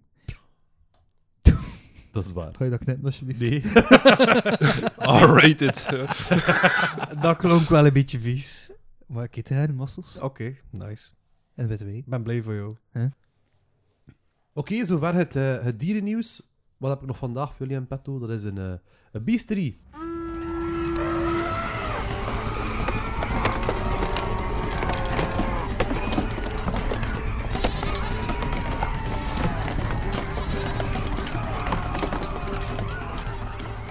Dat is lang geleden, hè, jongens. Denk ik. Ja, allee, dan. eh, En ik vind dat altijd massas interessant. Kijk, mijn gsm gaat er zelfs voor. Ja, het is eentje dat ik al eh, een tijdje wil doen, want ik ben in november vorig jaar naar, eh, naar Rome geweest. Een city, een citytrip met mijn, met mijn vrouw. Ik had ik niet echt veel zin om te gaan. Ik bedoel, citytrip, pff, ik in een stad. Ik vind dat echt niet zo leuk. Leugens. Wat? Waarom? Je wou gaan. Ja, wel, luister, maar mijn verhaal was er niet... eh, Weet je waarom? Waarom? Niet alleen omwille van de beesten, maar ook omwille van Assassin's Creed. Is dat in Rome? Ja, ja, ja. er is daar een deel van in Rome, dacht ik toch? Ja, maar eh, Rome van tijden van de renaissance. En Nee, ik vind... eh, Of het was vooral omwille... Wat, nee, sorry, het was om, omwille van de geschiedenis. Ja, wel, Juist, want, ja. want eh, ik eh, luister ook heel graag naar ehm, Hardcore History, waardoor ik ook een beetje fan begin geworden ben van de, de Romein. Nee, de Romein is Ja. fantastisch, gewoon. Eh, dus ja, uiteraard, Rome, Colosseum, ja, we moeten toch gewoon een keer gezien hebben. En ja, we kennen allemaal het Colosseum, wat het met dieren te maken heeft, hè, denk ik. Eh, dus moeten we er vandaag keer over hebben. Ik kan nu al zeggen, het is niet leuk. Er gaan veel Er worden, dood. er worden weinig leuke verhalen verteld. Eh, eh, vanuit het Colosseum. Maar kijk, eh, we moeten erdoor. Ik beloof jullie dat het de volgende Beastery wat, eh, wat leuker wordt. Denk ik. Hoop ik. Als Ben, ik- ben benieuwd. Ja. Ja, ik ook. Oké, dus wat weten jullie van het Colosseum? Gladiatoren. Gladiatoren, inderdaad. Paren, tijgers, vechten. Rond. Tijgers, leeuwen? Vraagteken. Olifant Honden? ook, denk ik. Olifant, inderdaad. Ook, ja. Yes. Ja, In het Colosseum. straks, eh, Hannibal was als een olifant, nee. Maar ga In straks, het eh, Colosseum. eh, Hannibal klopt, was niet met de olifanten in het Colosseum, hoor. Nee? Nee. Nee, dat was een bepaalde bergpas. Over de Alpen. Maar ja, het waren, het waren al olifanten. Maar er zat een olifant in het Colosseum. Het Colosseum is gebouwd in 72 na Christus door eh, Vespasianus en dan afgewerkt door zijn zoon Titus in 80 na Christus. Ja, ja, ja, Titus. Like Titus. Jonas stond alsof dat hij borsten heeft. Ja. Wat? Maar niet alsof, dat niet? Eh, Maar heb er ook een beetje, Jonas. dus dat. Ik heb er ook, dus ik mag dat zeggen. Ja. Eh, nee, dus zijn zoon Titus heeft, dat dus, eh, heeft ze afgewerkt in 80 na Christus. En dat is eh, gevolgd door 100 dagen feesten. Dus feesten is, ja, 100 dagen. Feest met Titus. Gladi gladiatorengevechten, uiteraard. Eh, daarna heeft eh, Domitiaan, of Domitian, de, de opvolger van Titus, of zijn ex-jongste broer, er nog een verdieping bovenop gezet. Dus het is eigenlijk een, een familiebouwwerk, als ik het zo mag zeggen. Nu, daarvoor waren er ook al eh, theaters, bijvoorbeeld Circus Maximus, ken je bijvoorbeeld ook al allemaal.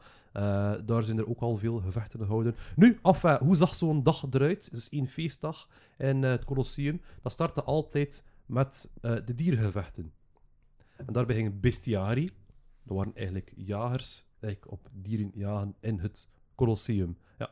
En dan, smiddags, was er een soort van intermezzo, waar je kon genieten van gevangenen, van, ja, eh, eigenlijk terechtstellingen. Dat kon gebeuren door kruisingen, dat kon gebeuren door mensen in brand te steken. Maar dat kon ook gebeuren door damnatio ad bestias. Dus basically kon je bijvoorbeeld voor de leeuwen gegooid worden, of... eh Maar, het niet, dat vertrappelen met die olifant. er ook olifanten is inderdaad ook een. gedaan? Ah. Ja. Trouwens, eh, even een side note. Ja, Hannibal is dus met olifant de Alpen overgetrokken. ja. dat- en wanneer dat- was dat- Ah. Was dat gisteren of was dat... Bedoel, ja. Proficiat, Wow, wow, wow. Hannibal. Eh, ja, en trouwens, het, eh, het vechten zelf... 1510. Oei, amai, dat Ja, dit al een tijdje later. Ja. Mooi. Ja. Ja. Eh, dat heette trouwens Venationes, dus de, de dierengevechten zelf. Hè? Ja. Dat heet, heette zo. Nu... Ja, sorry. Dat, dat, Dat is middags na, dus na, de- na de... Hoe zeg je dan? Het intermezzo. Het gezellige Lunch. intermezzo. eh, was het dan de effectieve gladiatorgevechten. Nu, daar gaan we het niet over hebben. Er is ook heel veel gladiatoren gestorven. Eh, dat is ongeveer rond de 400.000 in totaal. zijn er heen gegaan in het, in het Colosseum. Wel, uiteraard, veel, veel, veel meer dieren. Oei. Nu, ja. Nu, welke dieren zijn er allemaal gebruikt?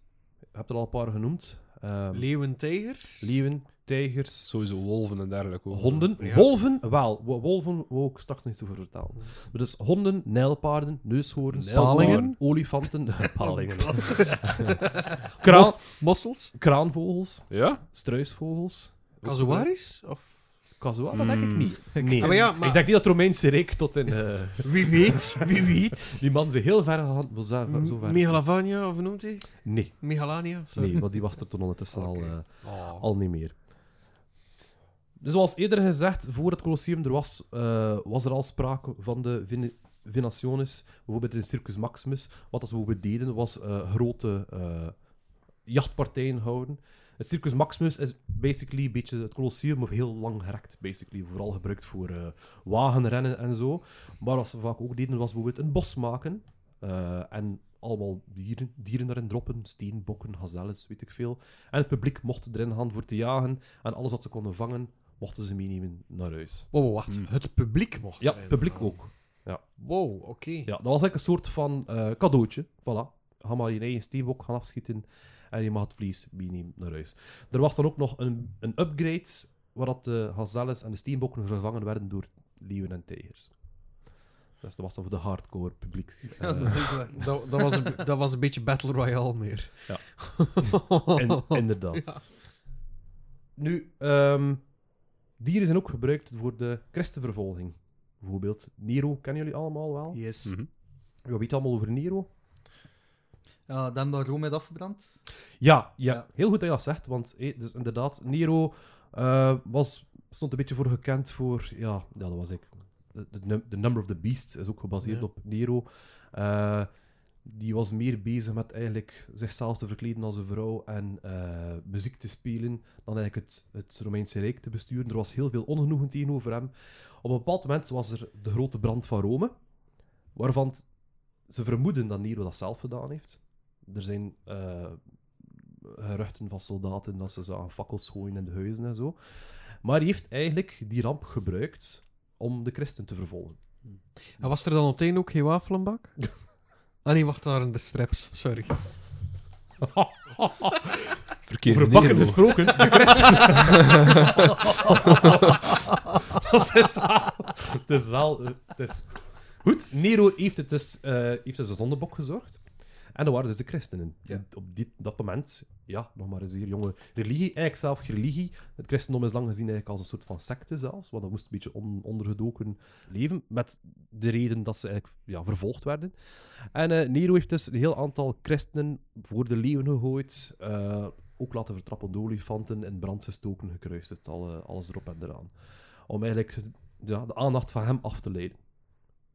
Dus dat was ook een populair gebruik van Een dieren. hele vreemde vraag nu. Maar Ja. wat was dan de hoofdreligie eh, bij, bij Nero zelf? Nog de oude Romeinse theologie hè. dan? Ja, hé, dat Ja. is dan Jupiter, Mars, Apollo. Ja. Apollo, inderdaad. Mm. Zo. Oh, Oké. Ook een eh, populair gebruik was het naspelen van mythes in het Colosseum. Nu moet ik even mijn blaadje omdraaien, sorry. Ik zat te denken meteen toen dat je dat zei aan de Minotaurus en het Doolhof. Dat zal waarschijnlijk nagespeeld geweest zijn in, Maar dat is de Doolhof Griekse mythologie. En het is Ah, wel crap. zo... Ja. Nero is een Oh, ze uitzondering, maar Ja. er, er stonden bepaalde... Ik weet niet welke tijdperken dat het precies was, maar de Romeinen vonden het niet altijd oké om je te identificeren met de Griek. Althans, al gewoon zijn afleid van de Griekse Al hè. zijn afgeleid van de Griekse zou gewoon aan de mythologie. Maar zelfs ja. een deel Ja. van de legendes ook, hè, uiteindelijk. maar- ja. Pas op, joh, misschien aan de echte geschiedkundigen mij hier dan Ah, wel, maar ik wil die denk- reactie dacht- zodat ik kan ik dacht bijleren. bijvoorbeeld dat Augustus dat niet goedkeurde om je bijvoorbeeld te identificeren met de Griekse mythologie. Je moest Ja. echt de Romeinse of de Romeinse mythologie gebruiken. Maar Nero bijvoorbeeld was een uitzondering. Maar Nero stond er wel voor gekend. En dat was ook de reden dat ze een beetje neerkeken op hem. Om hem wel een beetje te identificeren met de Griekse eh, filosofen en mythologie, bijvoorbeeld. Ja. Nu, we zijn een klein beetje aan het afweken. Wat Nee. ze bijvoorbeeld deden, was... Er is de legende van Orpheus bijvoorbeeld. En Orpheus, die had een lier. zijn fluit. Ja, Dat was een lier, lier en daarmee kon hij dus de dieren betoveren. Dus wat deden ze? Ze gaven je een lier, kleedden je als Orpheus en hoorde je, hoorde je voilà, in het Colosseum En de Animal Pit. Dus dan... tegenover een beer. Ja. En het enige wat je had was je, was je lier. Je mocht, je mocht hem gebruiken. Good luck. Ja, Ja, ja. chance. Maar meestal, meestal waren dat bijvoorbeeld eh, meestal waren dat gevangenen dat ze gebruikten daarvoor eh, als soort van amusante terechtstelling. Holy Wauw. shit, ja. Ja, dus dat is wel behoorlijk, eh, Wauw. behoorlijk hardcore. Amai. Ik heb de Revenant gezien, door met een beer. Jawel, ja, dat komt Ik echt, heb al andere beelden oh. gezien van effectieve slachtoffers van beren, jong. Echt. Is ja, dat? inderdaad. Ja, dat is... Hoe vind je dat? Vies. Maar ja, nee, je moet dat niet opzoeken, maar dat, dat was ergens in, in, in eh, Rusland zeker? Of zo? Je hebt daar ook een... eh, wacht, waar, wat zit er in Rusland van beers? Van bruine beren.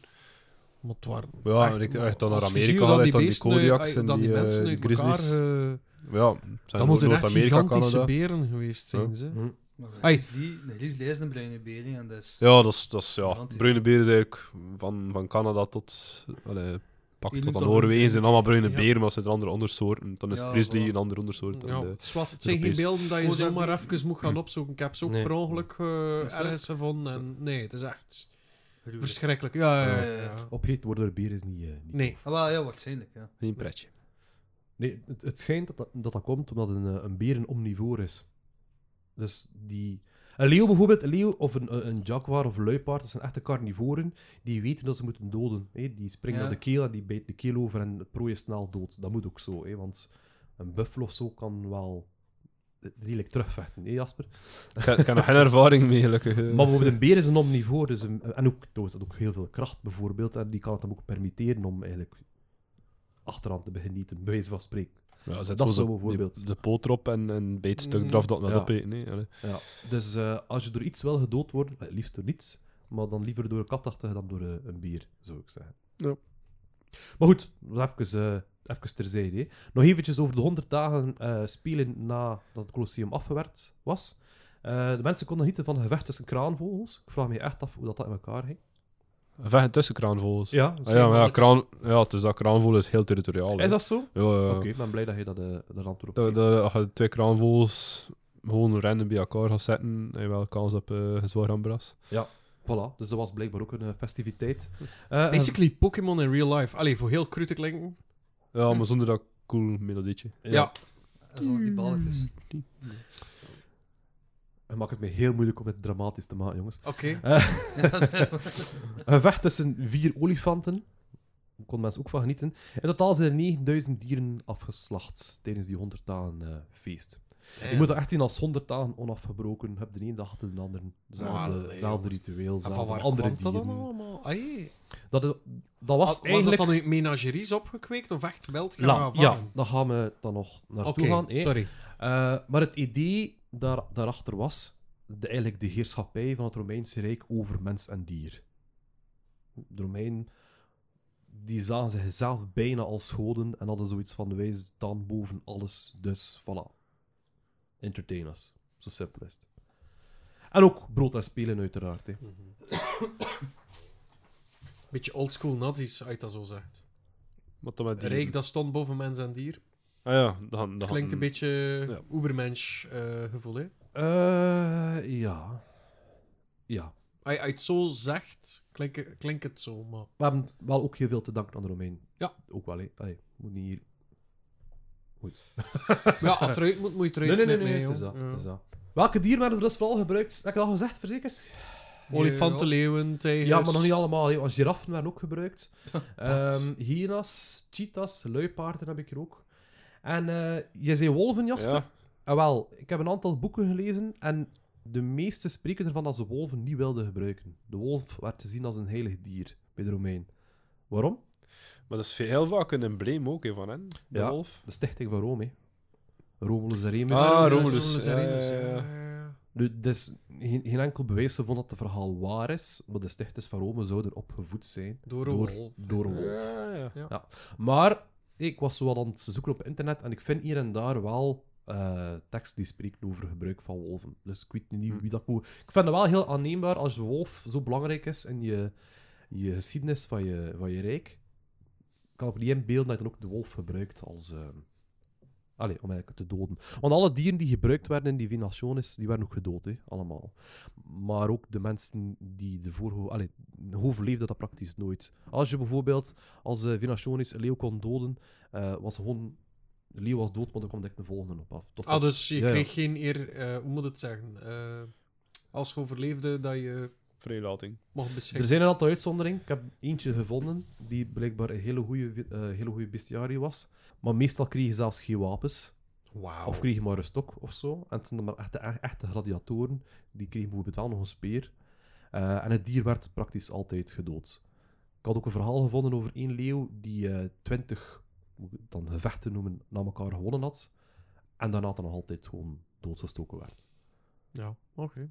Maar bijvoorbeeld één bestiarii, Carpophorus. En dat was een eh, gladiator die eigenlijk, laten we dan zeggen, gespecialiseerd was in het doden van dieren. Werd ook wel de Beastmaster genoemd.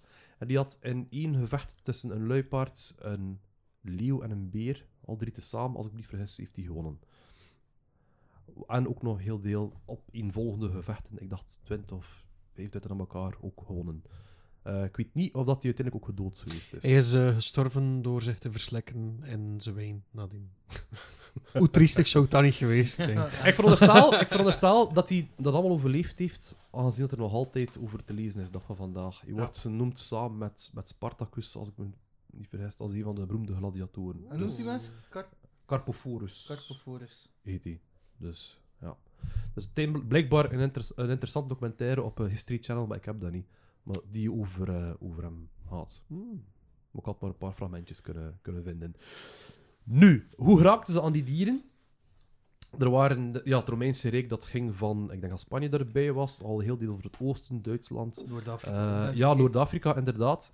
Natuurlijk, er zaten toen in Europa ook heel wat grote roofdieren, zoals beren bijvoorbeeld, zaten hier toen ook. En eh, er waren jagers die daarin gespecialiseerd waren om dieren te vangen voor het Colosseum. Dat was met de vallen basically gewoon valkuilen of, eh, of eh, de dieren in kooien lokken, bijvoorbeeld. Eh, en ze werden meestal letterlijk gevangen, getransporteerd, kregen niks van eten of drinken. Daar gingen ze, ik heb dat gezien in het Colosseum. Onder het Colosseum zit je met een groot, eh allez, hoe moet ik zeggen, een, een kerker eigenlijk. Dat is er achteraf bijgebouwd, ik denk ook door, door Domitianus, dus de jonge broer van Titus. Ehm, er was ook een heel systeem gebouwd met katronen, eigenlijk liften. Dat was, ja, dieren kwamen eigenlijk letterlijk gewoon uit de grond, boep, naar Mhm. boven. En eh, die zaten eigenlijk in kleine hokjes, kon het daar zien. Eh, onze hits noemden dat eigenlijk laboratories of eh, aggression. Dat was een hokje van een meter, twee meter op een meter of zo. Dat dier al geagiteerd was tegen dat boven was. die kreeg je niet, die kreeg je drinken. Ja. Hij zat hele dagen heel klein en donkere ruimtes eigenlijk. Ja. Dan werd dat beest de lift ingeduwd. Hup, komt direct in een arena en het eerste dat hij voor, voor hem zag was ja, de mens met een stok of met een lier. Dus uiteraard dat die leeuw dan eh, iemand, eh, iemand gaat aanvallen. Nu, de Romeinen zijn verantwoordelijk voor bijvoorbeeld het uitsterven van de beer in Europa. De noordelijke olifanten, dus van Noord-Afrika. Was dat een kleinere soort dan? Of was dat ik dezelfde soort? Nee, dat, heb- dat heb ik niet gevonden. De. Noord-Afrikaanse olifant en eh, de nijlpaarden die in de Nijl zelf leefden. Want Egypte ge- behoorde ook tot het Romeinse Rijk op een bepaald moment. En ze spreken van 6000 nijlpaarden die naar het Colosseum Damn. vertrokken zijn uit dat gebied.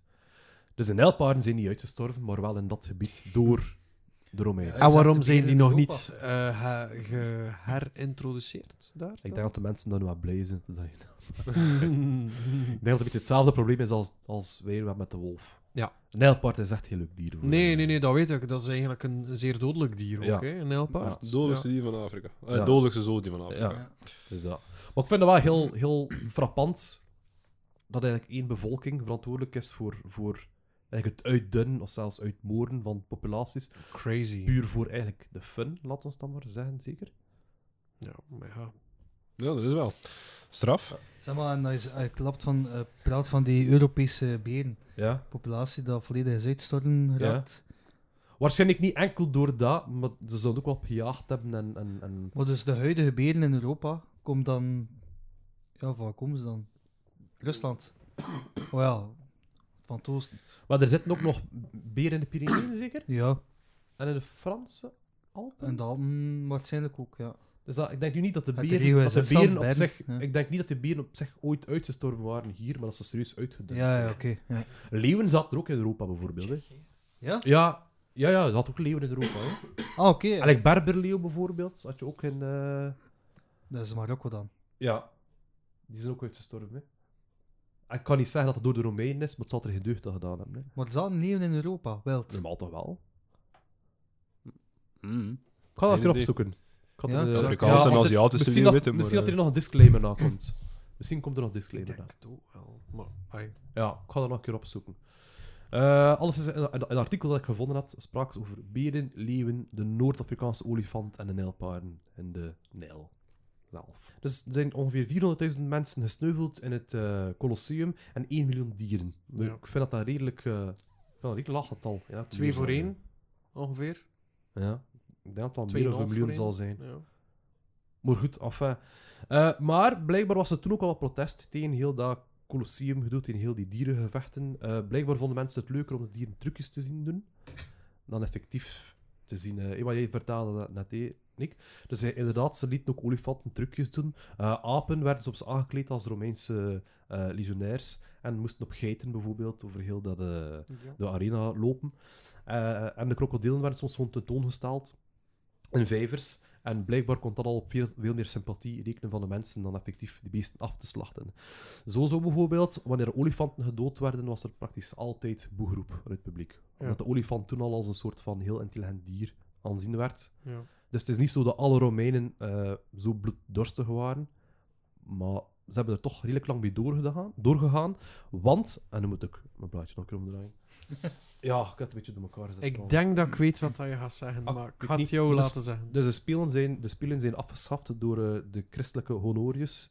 Eh dat is al een van de eerste Romeinse keizers die naar het christendom bekeerd was. Hij heeft het afgeschaft in 404 na Christus, maar eigenlijk de, de bestiari, of eigenlijk de venationes, pardon, zijn doorgegaan tot 523 na Christus. Dus toch nog een goede 120 Ja. jaar. Daarna, eh, dus dat is toch nog een redelijk tijdje. Hè? En daarna zijn waarschijnlijk effectief dierentuinen beginnen vormen. Ik denk, ik, ja, ik denk dat dat daar... De Romeinse paleizen hadden er ook al eh Ja. dierentuinen gaven, bijvoorbeeld cadeaus aan elkaar exotische dieren. Ja. Ik denk dat dat altijd wel een, een Toch al een- een ding altijd al? Ik denk het wel. Ik dacht dat dat daaruit verder gevloeid is. En Maar wat, dat zat ook wel iets mee te maken en wat dat ik nu ook verder zit te denken, dus Spanje viel ook onder het, Rome onder het Romeinse Rijk en zo.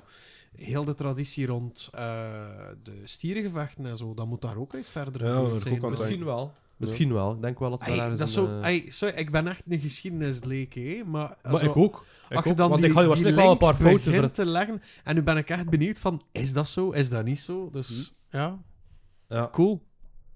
Mysteries zijn altijd cool.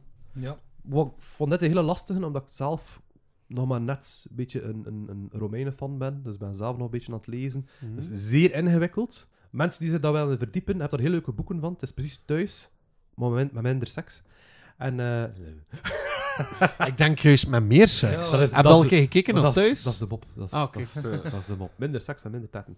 Ehm, nee, nee, echt super interessant allemaal, maar het is zeer ingewikkeld. Al die data, al die keizers, al die, moet ik het zeggen, generaals en whatever. Dus als ik fouten gemaakt heb, stuur gerust een mailtje of, een- of een opmerking via de sociale media. En eh, ik wil het zeker vast terechtzetten. Maar het is gewoon een feit dat Colosseum heeft zeer heel wat eh, dierlevens geëist. Triest. Nog een, eh, een interessant feitje, ehm, wat ik ook gevonden had. J- Jullie hebben Gladiator wel gezien, hè? Ja. Kom de tweede dan, hè. Is het waar? Ja. Yes. Oei. Wordt Ja, hij nog ja. een keer wakker? Eh, Geen idee wat dat geeft, maar blijkbaar ja. Ik kan het gelezen. Eh Joaquin Phoenix speelt daar eh, Commodus in. Ja. Dus dat is ook een Keizer. keizer geworden. Eh, op dat moment was hij nog zoon van eh, Marcus Aurelius, zeker? Zoiets. ja. Enfin, maakt niet uit. eh, maar dat is blijkbaar in het echt ook een behoorlijke zot. En die maakt ook heel gretig gebruik van dat Colosseum. Die was ook zelf fan van het gladiatorschap. En die ging bijvoorbeeld vaak het, het, het, eh, de arena in met struisvogels. Die hakte ze dan de kop af en gooide ze dan in het publiek. Dus dat was bijvoorbeeld een van zijn, eh, Hoop de van kop. zijn hobby's. Dan gaat de rest erin mogen gooien. My god, zeg. Ja, nee, de kop en nek. De, stond, stond uiterlijk, de- met de hals stond hij dan te schudden en gooide die... Het zijn allemaal heel gruwelijke dingen dat ik je vertel, hè. Dus, dus sorry voor de mensen thuis die Ja. aan het eten bent nu, maar dat is nu wel... Ja, dat is de geschiedenis, Ik hè. vraag me dan af, werd er daar iets van geconsumeerd of was het dan echt gewoon allemaal... Ik denk dat dat al opgegeten werd, hè. Ik denk dat wel. Ja. Ik ben dat zelf redelijk zeker. Dat is maar ergens eigenlijk van niet. Ah, wel, dat Ah, ja. zou ik dan ook... ai, want dan is het echt zo... Oh, dat klinkt zo cru, hè, maar dan is het zo compleet nutteloos dierenmoord. Maar voor die Romeinen is dat nooit nutteloos, hè, want het is nogmaals, het is voor hun heerschappij. voor de vertier natuur en status vertier en- te... Ja, oké. ja. Maar, maar, Maar, ai, ja. kijk, ehm, mensen die naar Rome gaan, zeker en vast naar de Colosseum gaan, dat is echt heel cool voor te zien. Hè. Zeker die oude liftsysteem, hoe dat, dat in elkaar zat. En, en, allee, toch, het is toch al je 2000 jaar geleden Ja. dat dat gebouwd is. En fantastisch gewoon. Stad zelf is... Maar ik ben geen stadsmens, dus... eh, enfin, eh, ja. Goed, ik denk dat ik alles gezegd heb over het Colosseum. Ja, en dan nog... Dus als jullie nog, eh, nog, nog nieuws hebben... Heb ik nog één iets korts dat ik wil over renten en dan is het voor mijn part gedaan. Hebben jullie nog iets dat je wilt vertellen? Wel, ik kan alleen maar zeggen dat ik laatst een panda heb zien kakken en dat ik eh, behoorlijk verrast was. Ik heb het nog nooit gezien, dus ik kan niet Ah, zeggen. wel, wat, is er maar zo spe- is- wat is er zo speciaal aan panda? klinkt een beetje, het klinkt een beetje Nerdland. van- Ah, je weet is daar met, met zijn, eh, met zijn wombats. Ja. Dieren en kakpoppen. Ah, wel, ja, voilà. Maar ik vond het echt, ja, dat is gelijk een klein courgette dat daaruit komt. nee, ja, dat was, dat was ah, ik kan het best vergelijken. Dus die, die, die panda, het was, eh, eh, hoe noemt hij, Tian Bao? Ik ken die naam niet van die pandas, eh, Ja. echt niet. Die zwart maar wit. Ja. De, ja, wa- ik denk dat een van de eerste, eerste hoe noemde dat, een pup? Nee? Een, een, een, Cup. bi- een, Ja, cup, ja. een, cup, welp, ja, een welp, een welp. Dan. Ja, ook wel, ja. eh, was die daar eh, zat. En die zit eigenlijk echt ook in een aparte enclosure. En die liep daar zo continu wat onrustig rond. En je zag hem zo met zijn staart een beetje... Gelijk of dat de kip doet, pompen voordat ze neerlegt. Liep hij daar zo rond. En plots ging hij hem zo half gaan leggen. En ja, en na een keer... Foep. Een, een, een grote hamsterkeutel, volledig groen. Maar ja, dat is waarschijnlijk, waarschijnlijk die bamboe, die heel, Ja, slecht, ja, die ja, heel ja. slecht verteert. Dus- En toen zat ik mee te denken, toen zat ik bij mezelf te denken, consumeert die panda dat dan opnieuw? Ja of nee? Zitten er daar nog stoffen in die die, die opnieuw kan gebruiken? Hmm. Ik denk dan niet dat dat bij panda's voorkomt. Bij konijnen wel, hè. Als er Hm. Koala's ook, pandakenners... Koala's ook, ja? Ja, ja, ja, omdat koala, die, eh, de bladeren als Eucalyptus. Ja, dat is, Ja. ja, de eucalyptus is heftig. Ja. En die jongen die geboren worden, zijn nog niet resistent tegen dat hef van dat blad. Dus die moeten eigenlijk, als ze geboren worden, de mest van moeder gaan opeten. Maar dat eigenlijk- enkel de jong doen eigenlijk. Omdat die, Ja, ja, ja, la- omdat omdat die die- lagere concentratie aan toxines hebben. Ja, en zo voilà. die zo- resistentie op. ja, ja, ja. nice. Maar dan, dan is het toch niet zo ver gezocht om ervan uit te gaan dat een panda dat eigenlijk ook wel doet. Maar- Ja, maar- inderdaad. Dat is ook wel heel speciaal... eh, Maar bamboe, Ba- op, zich, bamboe is op, op zich is toch niet giftig? Ah, Het is wel. gewoon heel slecht verteerbaar. Nee, ah, wel. Maar dus dat misschien twee keer door. Ik, ik ben, eh, ja, als er pandakakkenners zijn, eh, stuur zeker een berichtje. Mag ik eens aan, alsjeblieft? nee, ja, sorry, ik wou dat gewoon even kwijt, gelijk of dat die panda dat kwijt wou voor mijn neus. Dus, Ja. eh, ja. Ja, maar dat is... eh, dat is eh, ja. Goed, ik ben al een keer naar de film geweest. Ehm, Alleen? dit is niet eh, spoilervrij, dus mensen die, eh, die nu wel afhaken, het is ik vertaal, dus, dus veel ga je niet meer missen. Maar eh 65, de film met Kylo Ren, die ik er naar buiten mocht. Hoe noemt ze, wat is zijn echte naam weer? Oh, acteur? Kon, kon thuis keer Nee, duizend nee, keer Adams-. Adam Driver. Adam Driver, sorry. Ja, goeie acteur trouwens. Over hem is er niks, eh, niks verkeerd te zeggen eigenlijk. I know what I have to do. Ten eerste, de titel is al mis. Mhm. Nee, want wat gebeurt er? Het is geen uh, tijdreizigersfilm trouwens. Hè. Oké. Het speelt af op een andere planeet. Je start op een- andere planeet. Je is eigenlijk een alien. een alien die, die, eh, die erop uitgestuurd wordt. Die, eh, je is eigenlijk piloot en je moet eigenlijk andere mensen naar andere planeten sturen voor te koloniseren. En Ik op een vraag moment u, is er geen belet? is er geen blad. en eh Koosje maar aan. je, er, je, je komt eigenlijk in een meteoriet, meteorietenstorm terecht en landt per ongeluk op aarde 65 miljoen jaar geleden, in de tijd van de dinosauriërs. Dat is het verhaal, kort. Eh, dus ten eerste, de titel is al mis, want de dinosaurussen waren in 66 miljoen jaar uitgestorven. Hm. Dus die was eigenlijk al een miljoen jaar te laat. Ehm, de dinosauriërs, dinosauriërs pardon, die erin zitten. Dus ik weet niet, ik snap Hollywood niet meer. Zo'n coole dino's dat ze ontdekt hebben. En toch moeten ze er zelf verzinnen. Ja, Ik snap het niet. ego. Datzelfde met, de, met Jurassic World. Waarom moet je er blijven nieuwe bij verzinnen? Terwijl je zoveel cool hebt. Ik- er zaten daar dino's. eh een T-Rex die op vier poten liep. Wow. Nee. Dus de kop van de T-Rex op een... Ja, ja Ah. dat was de, de eindbaas, zo gezegd. Eh, een soort van eh, krokodil met langere achterpoten dan voorpoten. Maar zodanig lang dat die knieën eigenlijk zo, ja, zo omhoog staken. Het is heel raars. Een soort van ankylosaurus met de kop van een T-Rex. Eh Tyrankylosaurus noemen ze op het internet. Mm. Eh, ja, trok op niks, hè. Toch als, als, eh, als, als dino Als film op zich, dat moet ik wel zeggen, als film op zich, ça va. Ik zou zeggen, eh, als je een keer een... eh, het, duurt, het duurt niet lang, hè, maar een uur, een half of twee uur of zoiets, ik wil er vanaf zijn. Eh, als je zo een keer gewoon een keer een... een het gaat van punt A naar punt B, het gaat snel, het gaat vlot en dat is allemaal Dat aangenaam. is eigenlijk gewoon een no-brainer. Ja, voilà. Dat is, ja, misschien, ja, kort gezegd, het is een no-brainer, dus dat is leuk. Eh, maar het is gewoon, als je iets afweet van dino's, zit je daar eigenlijk de hele tijd...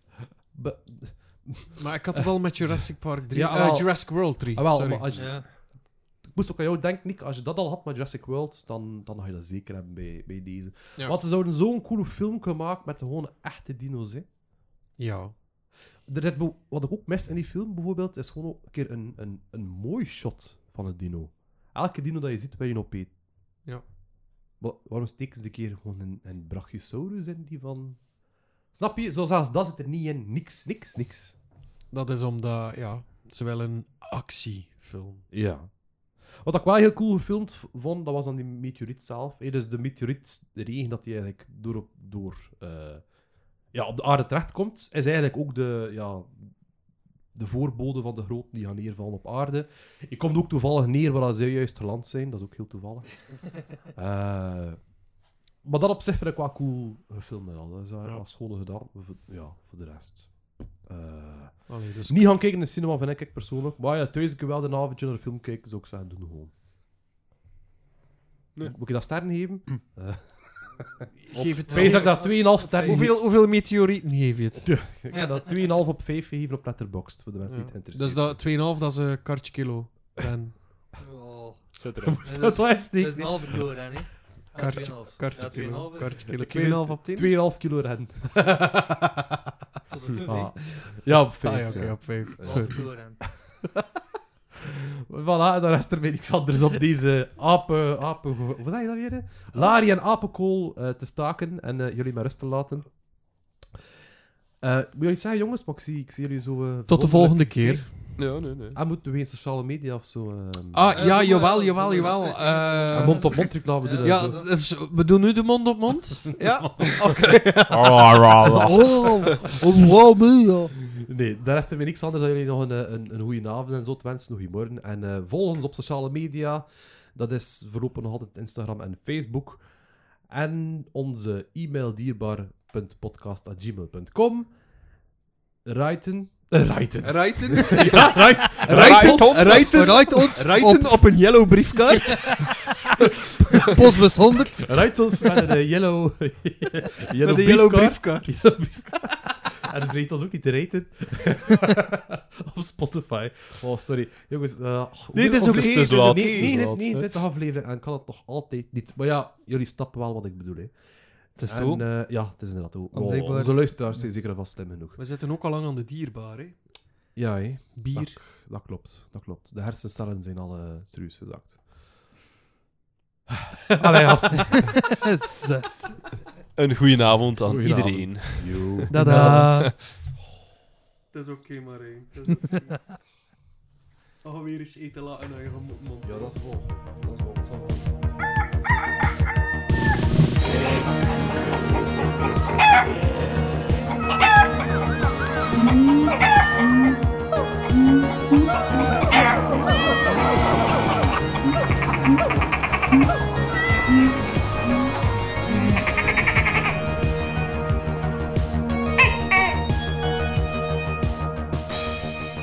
Ja, morgen op de pot is het ook eten en drinken open.